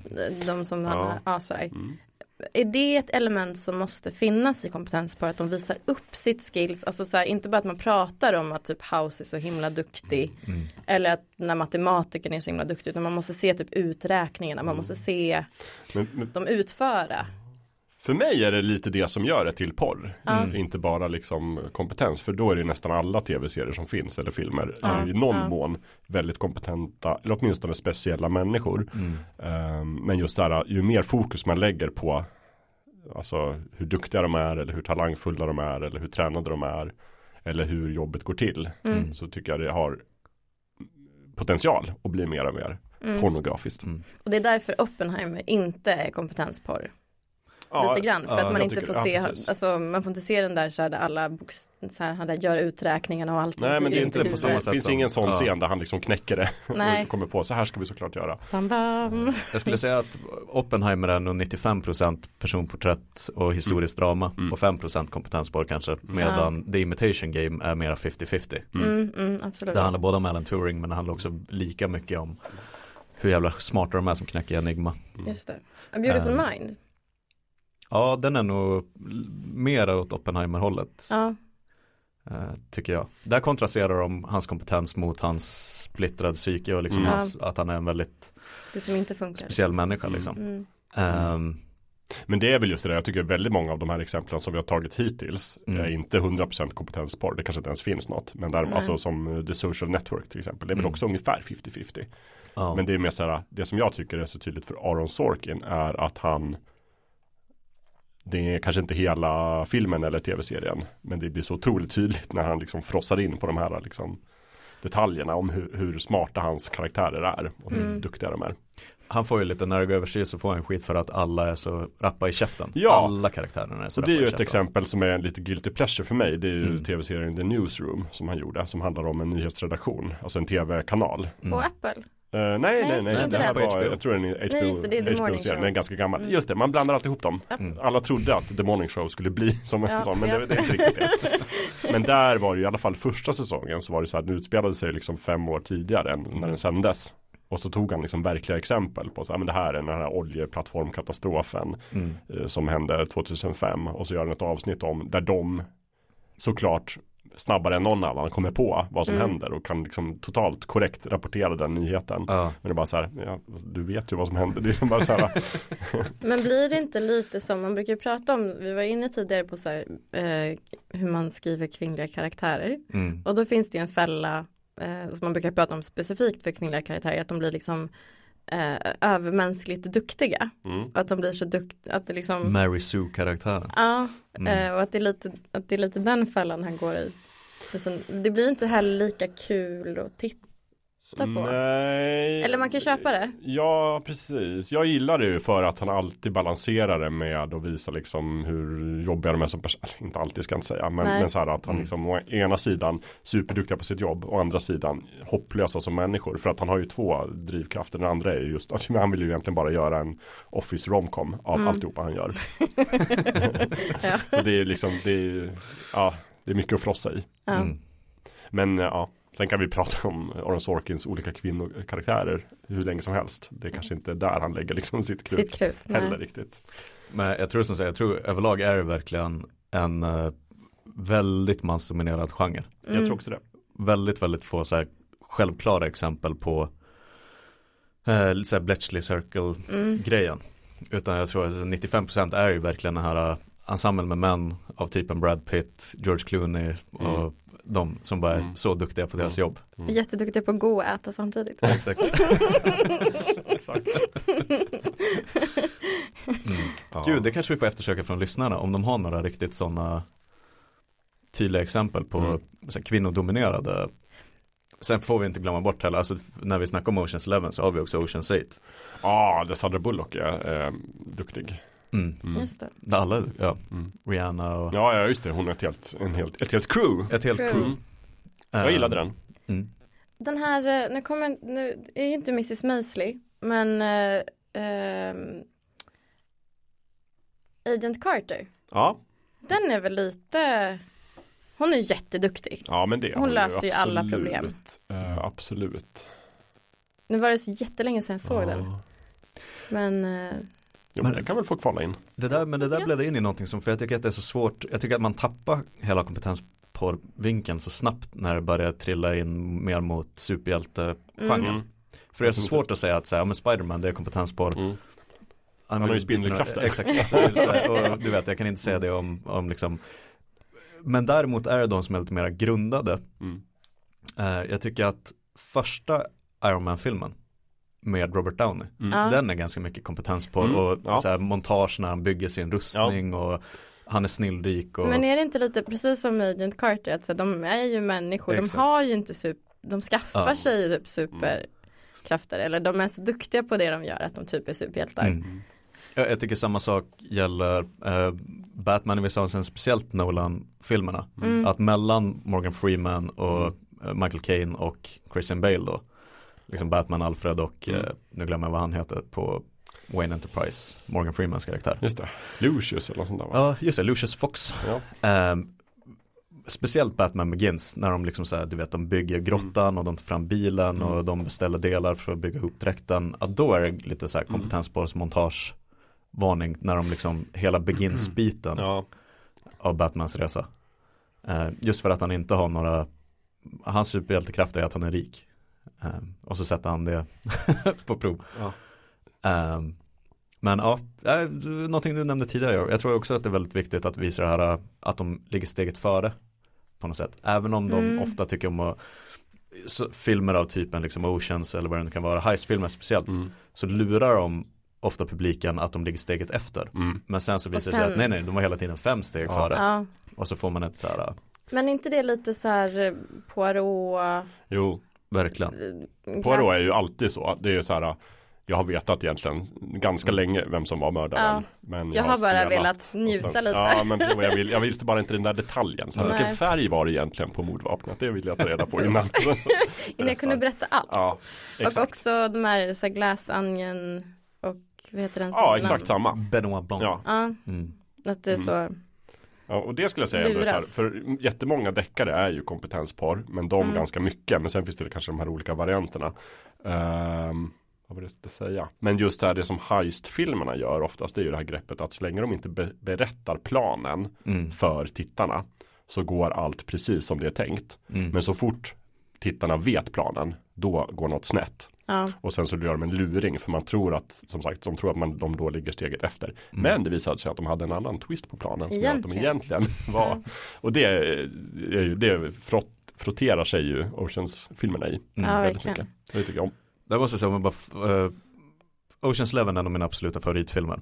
Den håller jag där uh, bredvid typ Pirates, första Pirates of the Caribbean-filmen. Som Mm. är så här perfekt heistfilm. Mm. Och Mm. första Pirates är en perfekt äventyrs Film. åkattraktionsfilm. Mm.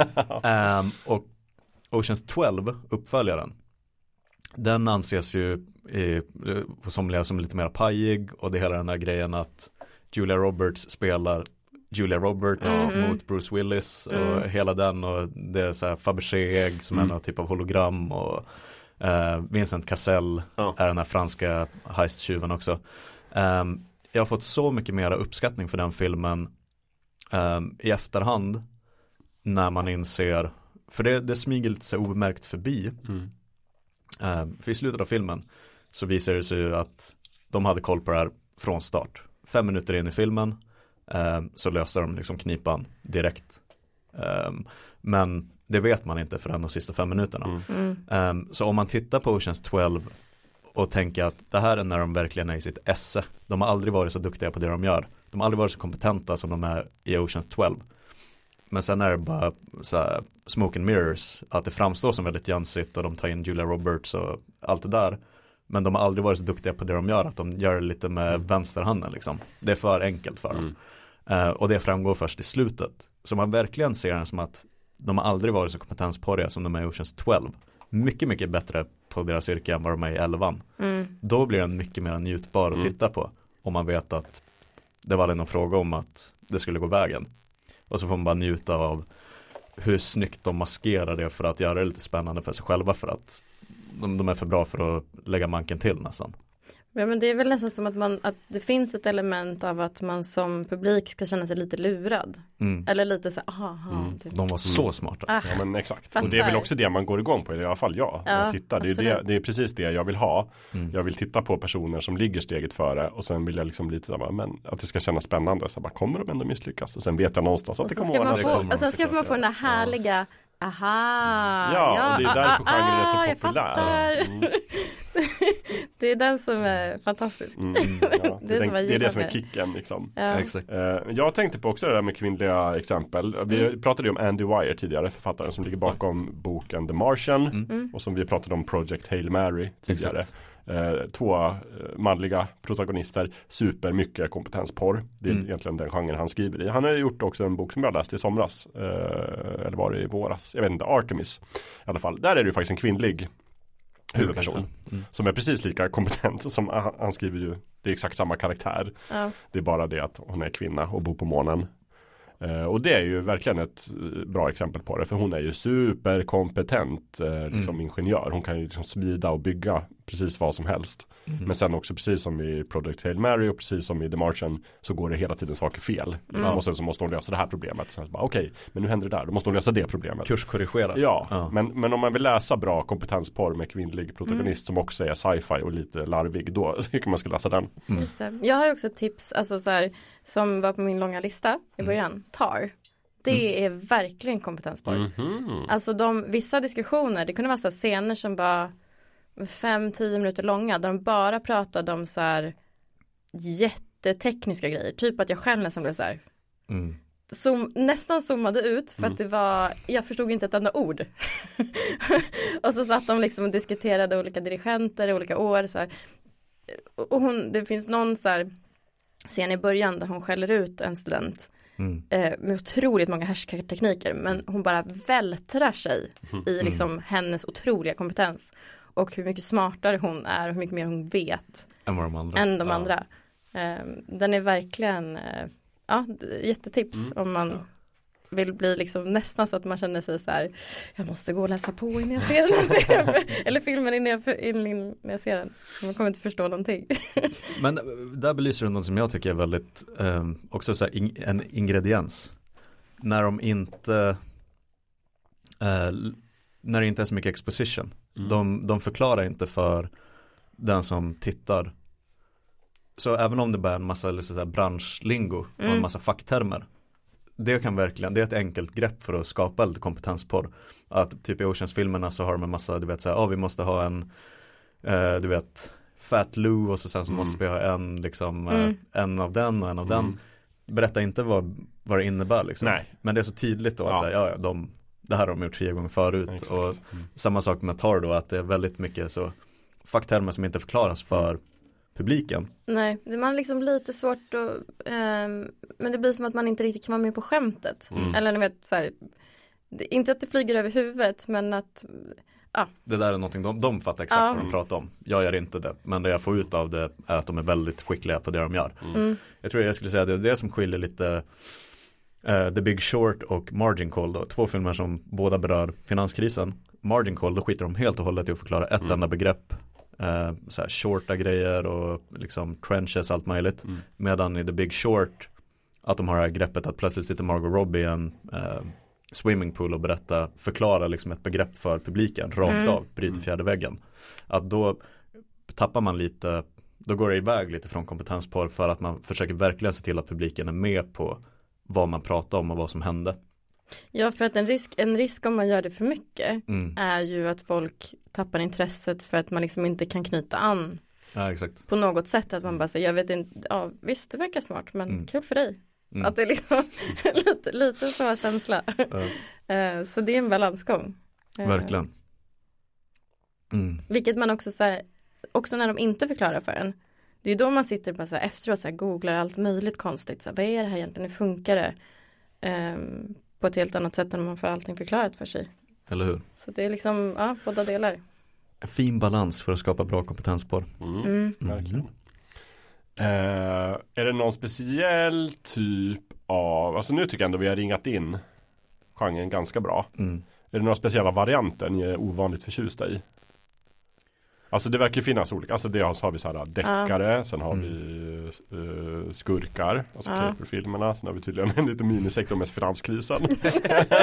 Doktorer. Skickliga ekonomer, nej men hela den biten är Ja. också så här. Så är det också för övrigt i i Newsroom, Aron Sorkin, där är det ju en hon som är ekonomisk eh, reporter. Mm. Hon är ju det bara hon kan också se så här finanskrisen komma innan någon annan. Mm. Bara som en Såklart. som sidospår. Att bara, jag är också väldigt bra på det här.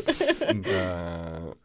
och liksom eh, vi har duktiga kemister, vi har duktiga ingenjörer. Vad, vad är bäst, vad är roligast att se? Alltså jag måste säga att jag är väldigt förtjust i både den här konstiga biten med inkompetensporr. Alltså Mm. Ja, när man bara lite så här, hur ska det gå? Och så blir man typ lika överraskad som de själva Mm. att det gick vägen. Ja. Men också den här biten där man på slutet får lösningen. ja, Alltså att, att man får den där Poirot-utläggningen. Ja. Mm. Man ska samla alla i ett rum och berätta så här gick det ja till. men precis, och lite grann som man får i Oceans också. Att där får man ju liksom så här recept. Aha, Just det, det Mm. var så här de, de, de gjorde det. Ja. Mm. Och så får man veta allting man inte fick se under filmen. ja. Ehm, det är jag väldigt svag för. Eh, jag måste säga att jag är ganska sådär Star Wars mätt på uh, rättegångsgreppet. Mm. Mhm. Supersmarta advokater är jag lite trött på just nu. Mm. Säger jag fast jag kollar på Lincoln Lawyer. Liksom. Ehm, så eh, den är väl inte jätte, jag är fortfarande, jag tror kroniskt svag för um, Heist Ensemble gänget. Mm. Det är Som bra. sitter och planerar en stöt Mm. ihop. Mm. Oavsett om det är Jönssonligan eller Oceansgänget. Men det är ju en, det har vi ju pratat om tidigare, att alla har ju kanske de här genrerna där man är extra förlåtande. Det känns som Mm. att där är du extra Ja. förlåtande. Heistfilmer är jag Mm. extra förlåtande för. Mm. Och så sen så är jag också väldigt svag för den här ensamma Taken-pappan eller eh, liksom John Wick eller Ja. Jason Bourne. Mm. A set of very special skills. Ja. Ja, Och, men också i actionsammanhang. ja? När, Ja. men när de verkligen är så här eh, hänsynslöst duktiga på det de gör. Mm, Att det, det är sån millimeter precision mm, på det de gör. Ehm, det är därför jag typ inte, så här, jag har aldrig känt så att James Bond är um, kompetensporr. nej. För mig är det mer liksom Nej. matiné, äventyrs, Mm. blockbuster. Medan, eh, som du sa, John Wick, eh, där är det så otroligt tydligt Mm. eh, på ett annat är sätt. De här typ eh, med Jason Statham. Om du hette The Driver, Mm, Är det ja, Mechanic? eller Vad fan tra- heter det? ehm, inte Transformer. The Transporter. Transporter, Transporter. just det. Mm. Ja, Annars är det en annan film. just det. Ja, De är väl också så väldigt, Samma sak. ja, Ja. Ehm, v- verkligen. eller hur? Mm. Och då har de ju, ja, det är som att de verkligen göttar ner sig i någon viss typ Mm. av slagsmålsteknik. Mm. och, så, och så visar de upp den på ett liksom väldigt så, kolla här vad vi kan. Men också just det här med bil, att köra bil. Mm. Det lämpar sig också väldigt bra för kompetensporr. Mm. Del, delar av eh, Baby Driver Definitivt. är ju verkligen Mm. så. Mm. Mm. Med rätt musik så kan han köra vad som helst. Ehm, jag tycker att till viss del, både böckerna och filmatiseringen med Tom Hanks, så tycker jag att Dan Browns böcker har lite den här uh, Andwire-grejen. Att man vältrar sig lite i hur duktig eh, Robert Langdon är på så här, eh, typografi och historia och mytologi och eh, symbolism och grejer. Mm. Ehm, att det finns en inslag av kompetensporr i Da Vinci-koden och eh, det är också så här smaskigt Mm, absolut. smaskigt på något sätt. Um, sen är det inte där fokuset ligger i så här, hur ska han lösa det utan man får ju mera följa med och alla de här konspirationerna vecklas upp framför en. Uh, och man behöver någon som är insatt i ämnet Mm. för att driva på det. Mm. Därför har vi Robert Langdon. Mm. Uh, men den här scenen i början på Da Vinci-koden när han springer runt där och han har lite så här didaktiskt minne och Just ser det. grejer Ja, ja, och springer bort till uh, Det är ju också lite häftigt för man ligger ju steget efter då som läsare och så sen så berättar han för en. Mm. Just det. Men då behöver man också i filmen någon som hela tiden frågar Vad betyder det då? Vad betyder det då? Och Exakt. Därför har man Audrey Ja. Tautos karaktär Precis. som fyller den enda funktionen. Gud vad smart. Gud vad smart Det är lite som, eh, det? Som en av mina favoritserier. Dr. Mugg. Dr. Mugg. Ni vet den här gymtjejen som alltid är bredvid Kapten Filling Ja. och så ger hon honom lösningarna och han bara Jag vet, jag har en idé. Åh vad smart du är. det, är det är den karaktären. Som att man liksom behöver bädda in hans kompetens på något vis. Mm. Man fattar. Ja. Jag är ju väldigt förlåtande överlag för legal dramas. Sådär, Mm. eh, smarta advokater. Det känns också som att det nästan är inbakat i den genren med Mm. kompetensporr. Absolut. Per Jag, jag kan inte komma på någon advokatserie med liksom extremt dåliga Ally advokater. McBeal. Ja men hon vinner väl oftast sina fall ändå. Jo, Även om hon är jag skulle trasig som människa. Det är ju mera fokus där. Ja, Mm. jo absolut, det brukar väl gå rätt bra för dem, men jag skulle säga att det är inte, precis som Oppenheimer, Mm. så vältrar de sig inte i smarta Nej, nej, nej men det, lösningar. det, absolut inte. Men det jag menar är att jag, jag vet inga där det är så här att ni är väldigt dåliga på ert jobb. Det skulle vara kul nej. att se en sån. För jag Ja, förlorar hade alltid mina något. fall. För jag är så otroligt kass på att dra fram karaktärsvittnen och komma på liksom den kritiska detaljen. Säger alltid fel Eh, saker. Däremot så tycker jag att det blir roligast när, som i Ally McBeal, Mm. eller faktiskt som i Good Wife, där fokus är på något annat. Och det här med kompetensporren är som ett sidoinslag. Mm. För så är ju i Ally McBeal med han, vad han nu heter, han som är en av ägarna där. Inte. Rich, inte Richard Fish utan eh, The Biscuit. Ja precis, men vad heter skådisen? Eh, Han som också är med i Ghostbusters 2 eh, ja, Spelar som har, som, har, lo- som har lockigt hår och är rätt Ja kort. exakt, ja han i alla fall, han är ju Ja. så liksom genomkompetent som advokat Ja, Men det är liksom Det har man bara lite vid sidan om sådär han är också jättekonstig. Ja, och en sån sidokaraktär finns det i nästan alla serier. Det fanns Ja. någon som hette, ja i alla fall, och i Good Wife så är det ju Michael J Fox som är det. Ja. Som dessutom är genomond och helt skrupelfri. Mm. Han är alltid deras konkurrent. Ah, okej, och sen så okej. dessutom så, så har han ju precis som i verkliga livet eh, Alzheimers, nej eh, Parkinsons. Parkinson. Mm. Eh, och då kör han alltid det som liksom ett såhär Bara så att ni vet, om jag liksom rör mig konstigt så det är bara att jag har. Och det är helt så så spelar så alla- otroligt Åh. mycket på de strängarna. Och liksom så här skapar sympati. Det finns en annan sidoadvokat där som också oftast slåss mot dem. Som är eh, gravid under ett tag. Hon är också så här totalt genom rutten. Och bara Ursäkta, hela tiden, jag är gravid. Ursäkta jag måste sätta mig lite. Om jag blir lite. Jag håller på att svimma. så Som bara spelar juryn som en liten fiol. Det, det tycker jag är jättekul inslag i den. Eh, Sen är ju såklart alltid de vanliga huvudrollerna superkompetenta. Men där är också så här fokuserat på deras trasiga privatliv och hur frustrerade de är och sådär. Mm. Men det, jag gillar den. Men där måste ju legal drama, Boston Legal, Mm. som verkligen vältrar sig i James Spaders monologer i liksom rättegångssalen. Ja.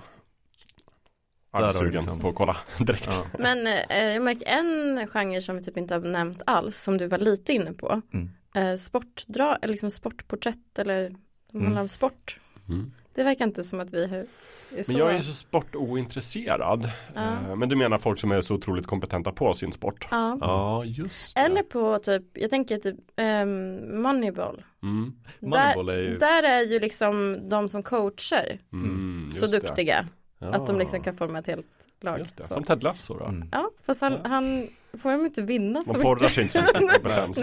Nej. det är ju så De gör ju det i slut, men han visar ju bara att han är bra Ja. på att skapa teambuilding. Mm. Precis. Nej men Moneyball vältrar, sig ju verkligen i liksom så här, med hjälp av matematik Mm. Ja. och snillrikhet. Ja, så ska vi precis. gamea systemet. Mm. Eh, fantastiskt bra film. Ja, Eh, en av. Brad har sett någon gång för länge Ja. sedan. Ja, Minns det inte. var många. Det, Jonah Hill. Också. Jonah Hill och Ja. Brad Pitt superduktiga i den. Ja. En värsting till coach då, vad tror ni om den? Mighty Ducks. Ja. Men det är svårt för att är så eh, Eller, Jag tänker att sportgenren är, visst det finns absolut inslag av kompetensporr där men jag tycker Mm. oftast att fokus ligger på så här, om vi bara kunde komma överens i laget så skulle det gå bra. ja. Och att de kör det spåret mycket teambuilding, kompetens. Att så här, har vi vänskapen då vinner vi också på planen. Mm. Ja. Det är inte så mycket om att vi räknar ut om jag bara slår så här istället. Om Nej. jag har Mm. underarmslag så. Om man kan, om man kan prata om så här kompetensporr i dokumentärform så kan man verkligen se dokumentär om Nils van der Poel. Ja. Den är helt sjuk. Alltså där, där kan man verkligen så. man bara, vad gör, du gör inget annat. Eh, Så det finns ju också reality kompetensporr. Om man ska Men- säga så. Det är nog för att ett mycket vanligare grepp i sportsammanhang är underdog-greppet. Mm, Eller typ, ta typ, eh, Miracle som handlar om när USA äntligen slog liksom oslagbara Sovjet. Um, så är det ju alltid den här, ska de vinna, ska de ta sig över Mm. det här, liksom, den här toppen Mm. och segra. Um, då skulle jag nog säga att i sportsammanhang så kanske det är mera typ Ah, den här är lite svag. Men Mm. typ att Happy Gilmore är lite mer kompetensboll för att den verkligen vältrar sig. Ja. Hur magiskt det måste kännas att kunna slå en golfboll så långt Ja. som han kan. Ja. Uh, Men också så här, det känns som att man ofta, även om man riktar in sig på att göra ett personporträtt på eh, någon som hållit på med en individuell sport och inte ett Mm. lag, typ som Ali-filmen till exempel. Mm. Då är det ju, det är typ som att sporten kommer lite i andra hand. Mm. Eller, eller Rocky, eller liksom så här, vilka Mm. som helst. Mm. Så här, det, det viktiga är ju inte, ja, han är i och för sig jättedålig på att få stryk. Men, men att så här, eh, det är inte så att man får se dem stå och hålla på med de där teknikerna, att man pratar teknik skitmycket Mm. eller så här, utan det är mer typ personporträtt Mm. utan kompetensporrbiten och så är det som att alla vet redan att den personen var legendarisk. Mm. Mm. Så det behöver vi inte Ja. bevisa. Nej precis. Nej precis. En, en- sportfilm eller serie med kompetensporrfokus skulle nog snarare handla om så här vi vinner alltid, vi vinner varje match Ja. och sen så får Mm. man frossa i hur de liksom tränar och hur de alltid vinner. Mm. Mm. I Rocky till exempel så är det liksom det stora priset i slutet att mot Mm. alla odds så vann jag den här viktiga matchen mot den här biffiga ryssen eller vad det nu är. Ja men precis. Eh, och det, så är det lite i Ted Lasso också. Det är Mm. liksom den stora belöningen i slutet. Det Det vill säga fin- vi har överkommit alla andra hinder. Ja men precis. Det finns någon anime som jag såg som är typ heter Haimen Ippo. Ja, det är den där Mm. boxar Boxar- boxar-animen. vi pratade så gott om. Eh, den, där kan man också säga vad man vill om de kvinnliga karaktärerna. och, och att, ja, eh, det är som det är. Men där är de ju så otroligt, alltså de pratar om så här den här typen av teknik, nu ska vi testa den, den är som den gamla boxaren, nu testar vi den här uråldriga tekniken som man gjorde på typ 70-talet, nu ska vi hämta hem den.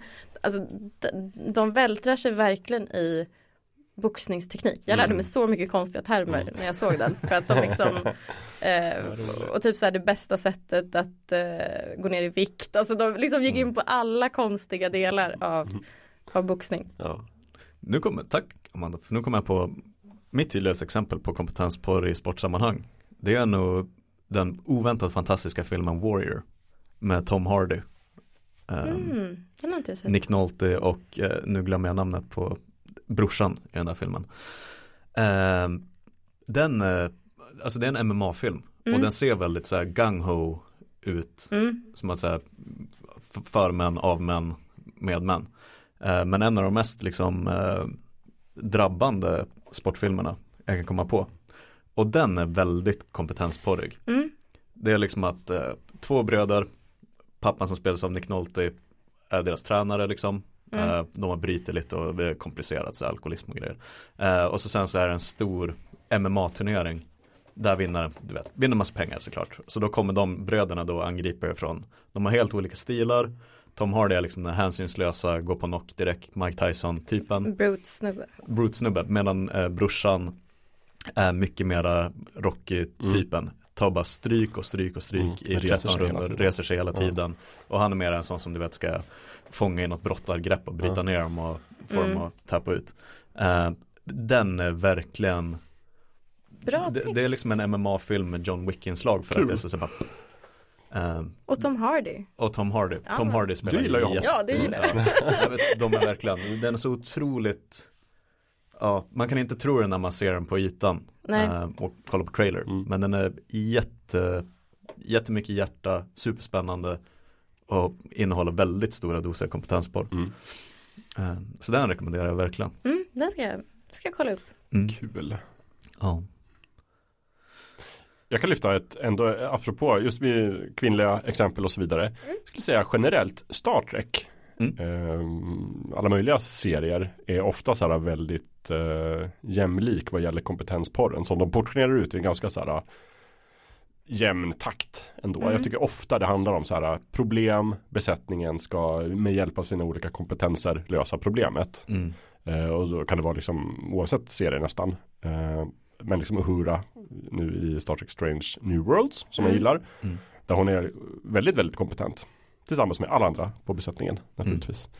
Och det är överlag så här, hela den här serien handlar om så här, vilken otroligt bra arbetsplats Enterprise är. Så mysiga alla trivs tillsammans och de har så bra teambuilding. De jobbar med sitt Ja arbetsgivarmärke. verkligen, verkligen. Och så, tills, ibland, jag tyckte till exempel i Star Trek Discovery att det går lite väl överens, överstyr. Mm. Att så här, bara stannar upp hela tiden och pratar om hur mycket de älskar varandra. Så bara, jag vill bara säga det hörni. det fin Jag har aldrig kollega. jobbat med så bra besättning som er.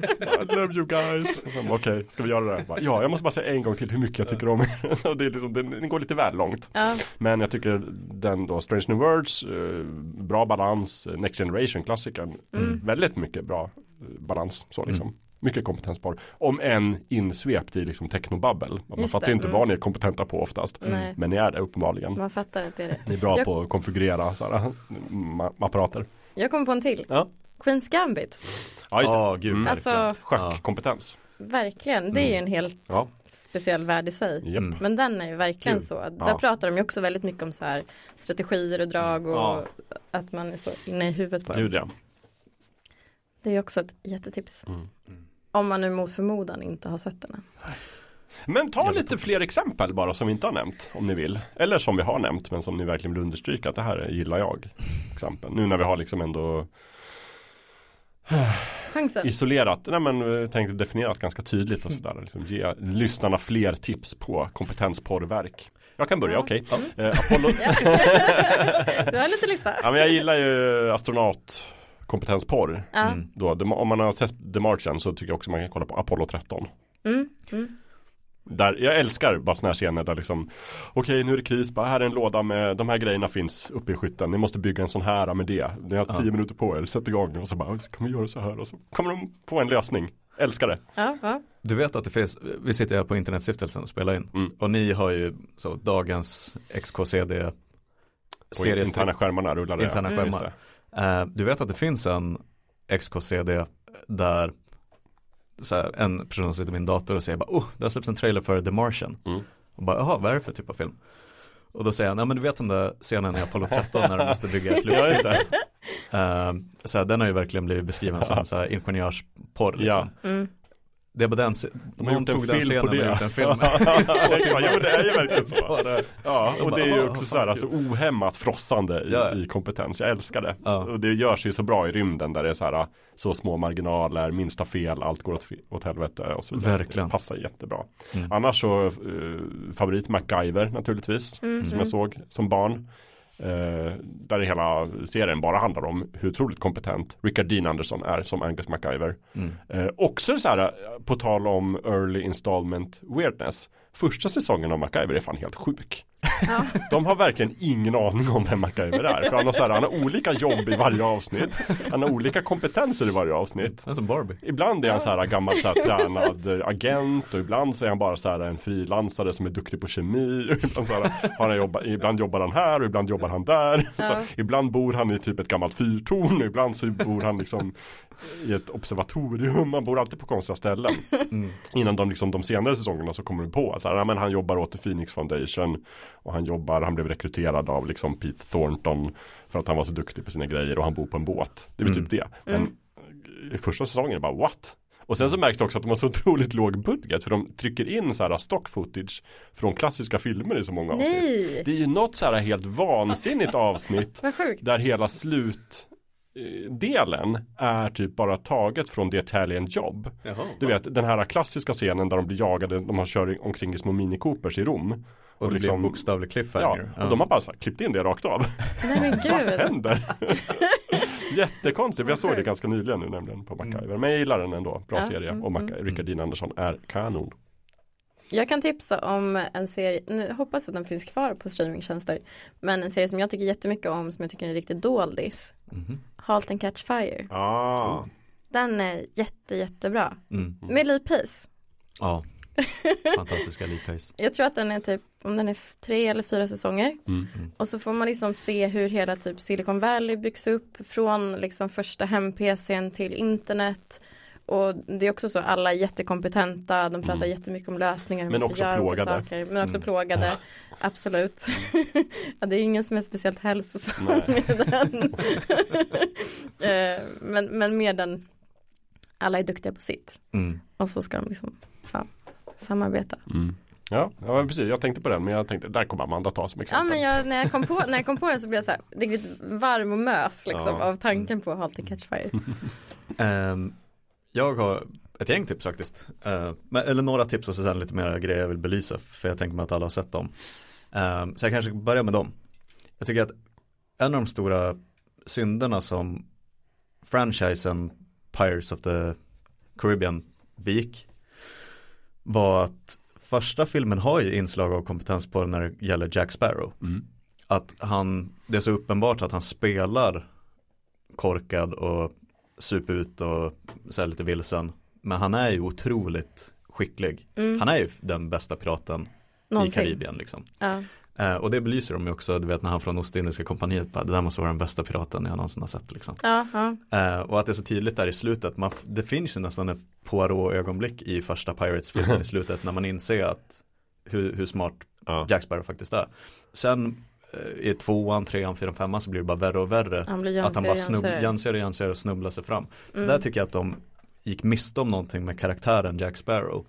Det var så uppenbart att han, det är bara spel för galleriet i Ja. första filmen. Han är superkompetent. Ehm, och så sen två andra verk där jag tycker att det finns inslag av kom- kompetens på för att krydda lite grann. Ehm, jag tycker att första säsongerna framförallt av Mad Men Ja. Mm, ja. så vill de alltid säga okej men Don Draper du vet så här, otroget svin, eh, alkoholist och alltihopa. Men Så gud vad, otrolig på sitt jobb. gud vad han kan Ja. ta ett konferensrum med Mm. storm Mm. och bara säkra kontraktet. Ja. Ehm, och då kittlar det till lite. Man- Och så, så glömmer man bort att han är ett otroget svin. Mm. Och så älskar man Don Draper i tio minuter. Ehm, och samma sak egentligen ehm, i Gudfadern-filmerna. Både eh, pappa Vito men även speciellt Michael. Ehm, för första Gudfadern-filmen slutar ju egentligen med ett kompetensporrsmontage. När det visar sig att Al Pacino har ju Mm. legat steget före alla sina Ja. fiender Mm. hela tiden. Och så syr han bara ihop säcken och blir liksom den nya Don Corleone. Mm. Ehm, och det är ju också så här, då kittlar det till för att han är ju, Mm. ehm, och redan i scenen i ehm, sjukhuset, när man verkligen ser att han går från att han vill inte ha någonting med familjens kriminella enterprise att göra, till att han tar kommando. Och då Mm. märks att han är ju, de andra har ju ingenting på honom. Nej. Han är ju så jävla sly och så manipulativt smart. Ehm, så då kittlar det till lite Mm. kompetensporrs nerven på något sätt. ja. Ehm, men sen då kanske mer till tips. Ehm, Master and Commander, filmen med Russell Crowe. Ja, just det. Ehm, ja, just det. Gud, de- det var ett tag sedan. de vältrar sig ju både i liksom så här historiskt, att så här, så här var det verkligen att ehm, Men att de också vältrar sig ganska mycket i att de är så duktiga på det de gör Mm. Mm. på det där fartyget. Ehm, så den kan jag också rekommendera ur ett liksom kompetensporrs perspektiv. Ja, det var länge sedan jag såg den. Nu måste jag se den snart igen. Mm. Eh, för den delen när vi snackar Russell Crowe, det finns också inslag av kompetensporr i Gladiator tycker jag. Men är inte han lite kompetensporrskådespelare? Ja, kanske. känns som att- Jo. Han liksom gillar lite grann att ha roller. Alltså för det är ju också något på något vis. Där, Mm. där man säger nu har jag verkligen kollat hur det funkar. Nu, nu gör vi det helt korrekt.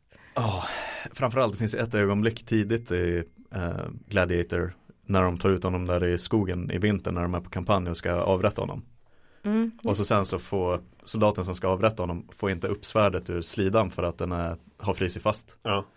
Och då säger han ju lite snabbt i förbifarten bara, ja det där tänkte du inte på. Nej. Och så sen så svarar de liksom. ja, just det. Nu räknar vi Ja, liksom. sjukt kompetent. Ja. Eftersom luftfuktigheten är så här och så här och temperaturen är så så kommer ju hans värld frysa fast va? Man skulle väl också kunna säga att speciellt första säsongen av Breaking Bad. ja, Alltså kemi, kompetensporr. verkligen. Att man bara, gud, han, han är duktig på att göra droger. Mm. Han kan så mycket om kemi. Det, verkligen, det håller jag med om. Ja. Och att det är sån, för det är det som gör hela Breaking Bad tycker jag, att det är sån spännande skitdålig gangster. Världens bästa kemist. Mm. Eh, och att det bara clashar. Det är det som gör det så spännande Mm. där i början. Oh, Mm. ja, Vad heter det?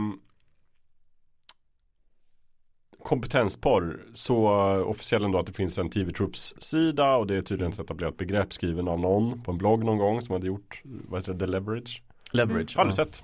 Nej. Har någon sett Leverage? Nej. Nej. John Finns det- Rogers Ja, finns det andra sådana här inofficiella genrer om vi behöver uppslag till kommande avsnitt som ni älskar ovanligt mycket som vi ska liksom droppa här.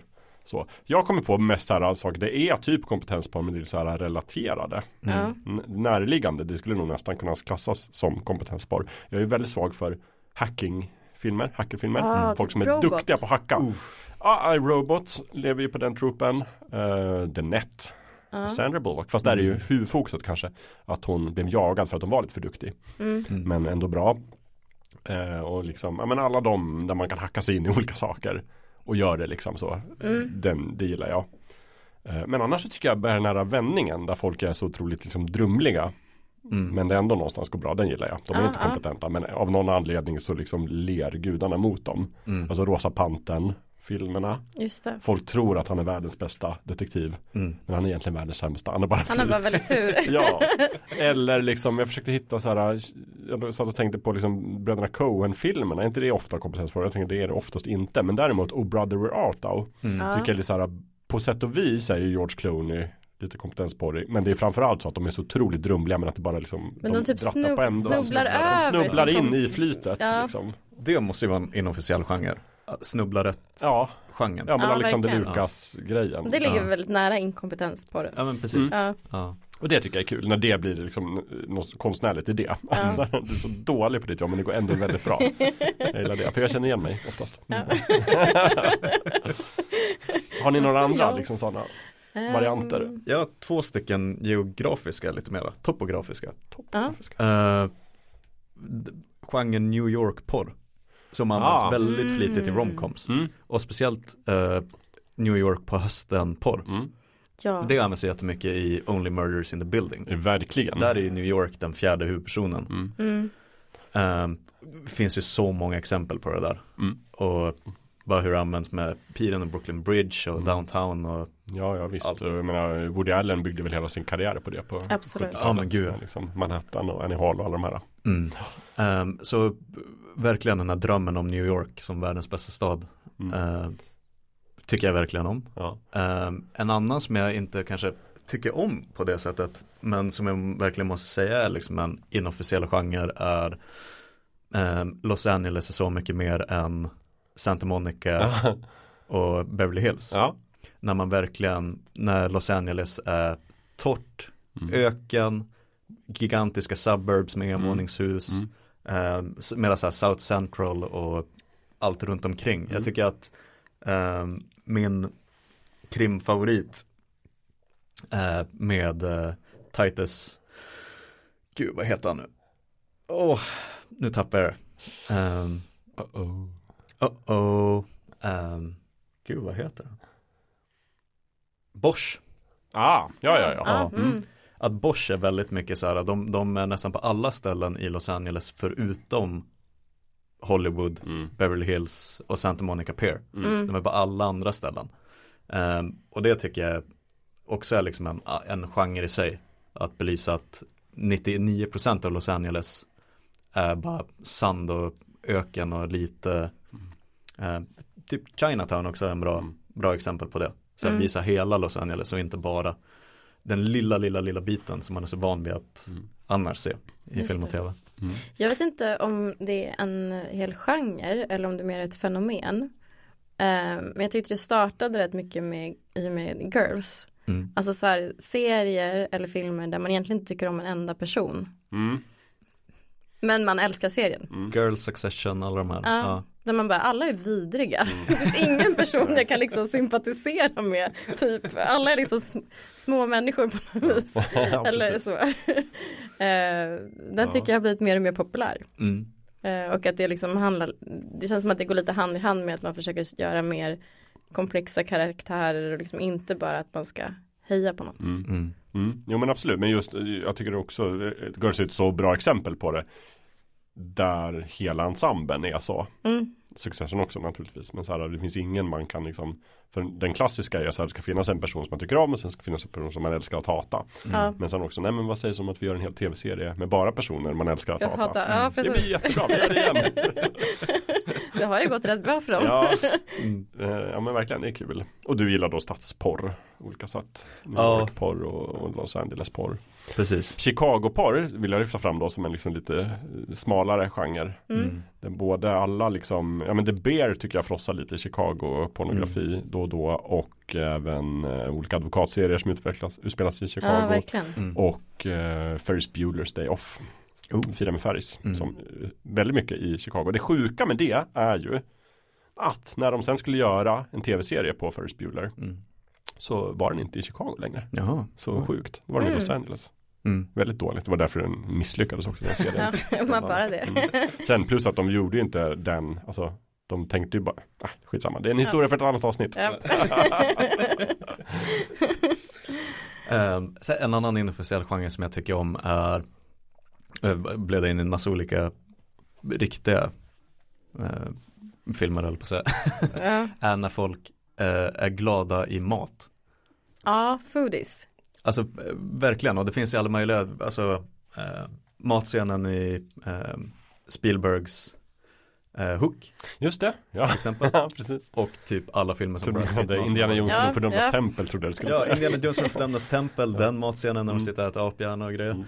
Eh, men egentligen alla filmer där eh, fokuset är på att så här, eh, det är gott att äta mat Ja, på något sätt. och man visar, man visar upp maten på något Eller hur? ett speciellt sätt. Eh, jag tycker att det dyker ju verkligen upp i Goodfellas uh, Fängelsescenen när Mm.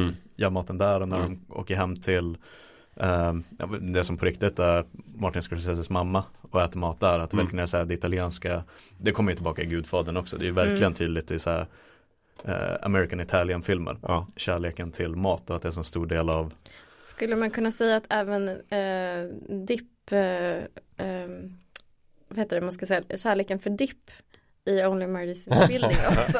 Tiden. Ja, det, pratar alltid om sin jävla dipp Ja, och maten. Och också på något sätt, jag vet inte vad det men eh, det kommer också in i så mycket japansk media.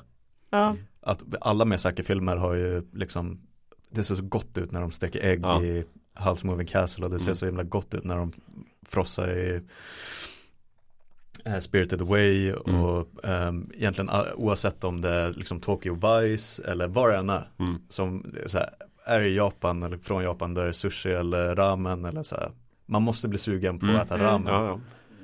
när man läser manga eller tittar på en anime eller ser liksom Yes. det blir man ju oftast. Mm. nästan så att jag blir förvirrad om, så här, om det var någonting som utspelar sig typ i Tokyo och det inte är ett matinslag. Nej, Mm, nej mm, det är sant. Det, är sant. Obligatoriskt. Det känns som att det här avsnittet har slagit rekord i gånger vi har sagt porr. Ja det tror jag absolut. Jag tror Ja, vi har sagt det mer än en eller två gånger tidigare. Som du sa, SEO. Ja, precis. Om vi skulle ha en sån här ping, ping, ping, ping, ping varenda gång vi säger en det. helt ny skara lyssnare som har en viss förväntan på vad de ska Ja, få till livs. Men. Kanske blir missnöjda. Mm. ja, kanske. Vi skulle väl också här kanske passa på att slänga ut en fråga då som sagt. Dels eh, vilka typer av kompetensporr Mm. folk gillar. Men också Mm. bra exempel och tips helt enkelt på Ja. ja. men det här klassiska inslaget som folk skriver in till oss. Jag kan inte fatta att ni har ett helt avsnitt om det här och det här och så Ni nämnde ni inte Ja. den och så måste vi då krypa till korset nästa avsnitt och säga ja förlåt vi tänkte inte på den för vi Ja. kan inte alltid hela världen. Men den typen av lyssnare jag älskar. Mm, jag med. Verkligen, jag med. Så att gör det ni som lyssnar. Skriv in, använd kontaktformuläret på furkulturpodden.se Mm. och ge oss överlag både ris och ros och feedback och tankar men också då konkret om ni vill tipsa om någonting som innehåller mycket kompetensporr. Mm. Mm. Jag känner så här att det börjar närma sig slutet på Ja. avsnittet. Vill ni nu kasta fram något sista tips, någon ny grej som ni glömde säga i början av avsnittet, någonting? Lövet, har du något? Nej. jag känner mig nog rätt nöjd. Jag känner mig rätt att vi liksom, ja, just nu, det kommer säkert dyka upp massa sen när jag går hem och funderar på det här. Mm. Men just nu så känns det lite tomt i huvudet. Okej, yes. Mm. Eh, jag, jag tror jag nämnde den här i förra avsnittet men att jag hade sett eh, The Rescue. Den här dokumentär, Ja, just det. Hans dokumentären om bror på berget.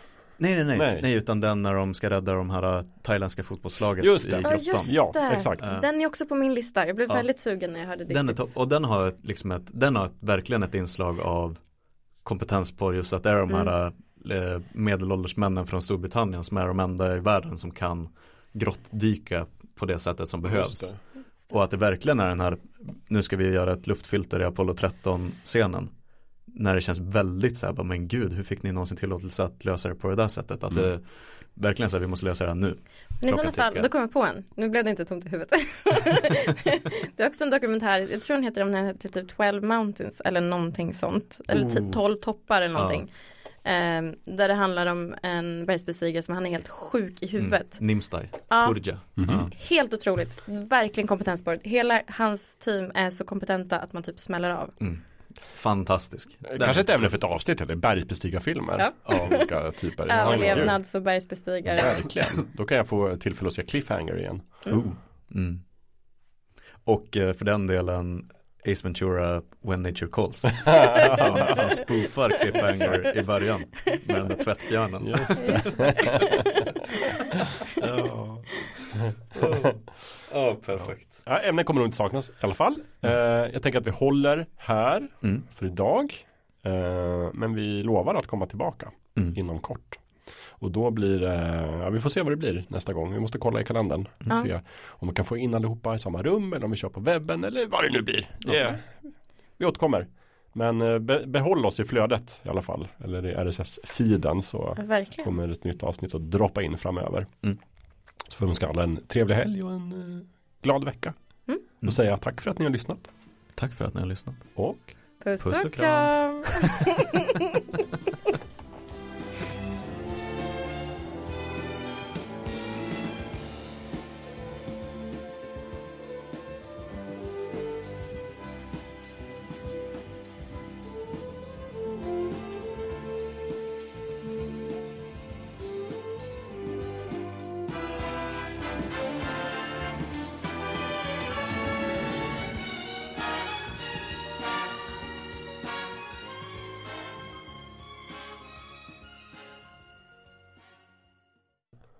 Jakob är kvar. Vi skulle, Nej, men- vi skulle nej, säga nej, listan han har ju rabblat sin lista nu. Även om han gjorde det på sitt sätt. Men vi skulle väl rabbla listan först. Och Allihopa. Och sen Nej, skulle vi gå på tvärtom. djupet. Det var så vi gjorde sist. Nu sa jag den här gången Gud, så jag rabblar en missade! person. Amanda, där Jag har inte gått på djupet. Har du inte? Det Nej, jag som att du gick på väntade. jag tänkte att du Jag gick inte på djupet. Jag, Alltså det här kommer jag ta... tänkte så här, jag bara, det här kommer ta jättelång tid att få in. För jag tänkte så här, nej men nu går vi på djupet, det var inte vad vi skulle göra. Ah, Okej, jag, jag märker att det kommer ta en säsong eller två innan vi liksom, det här konceptet Okej. har satt sig. Tanken är alltså, fattar vi jag. säger det en gång till. Tanken är alltså att en person rabblar hela sin lista och sen plockar upp på djupet Ja. några saker som man Under vill lyfta tiden. fram. Mm. Sen är det nästa persons tur, den rabblar sin lista, går in på djupet på Japp, några japp. saker. Sen är det tredje personen. Så det, här är lite som den här, Okej. du har ett, eh, du vet ju vad det här eller syndromet heter. Men första säsongen av Bihåla, att båda Ronny och Ragge är blonda Mm. och de har inte riktigt bestämt sig vilken Nej. dialekt de ska ha. Ehm, vad heter det? Att det är lite Ja, första säsongen när de inte riktigt har Ja, satt. early installment weirdness kallas det väl på TV weirdness. Mm. Det är Ja, det, det är det, det, är det- vi och lyssnarna upplever tillsammans. Absolut. Ja. Förlåt. Ja, det är ingen fara men jag kommer få ett helvete att klippa här i alla fall.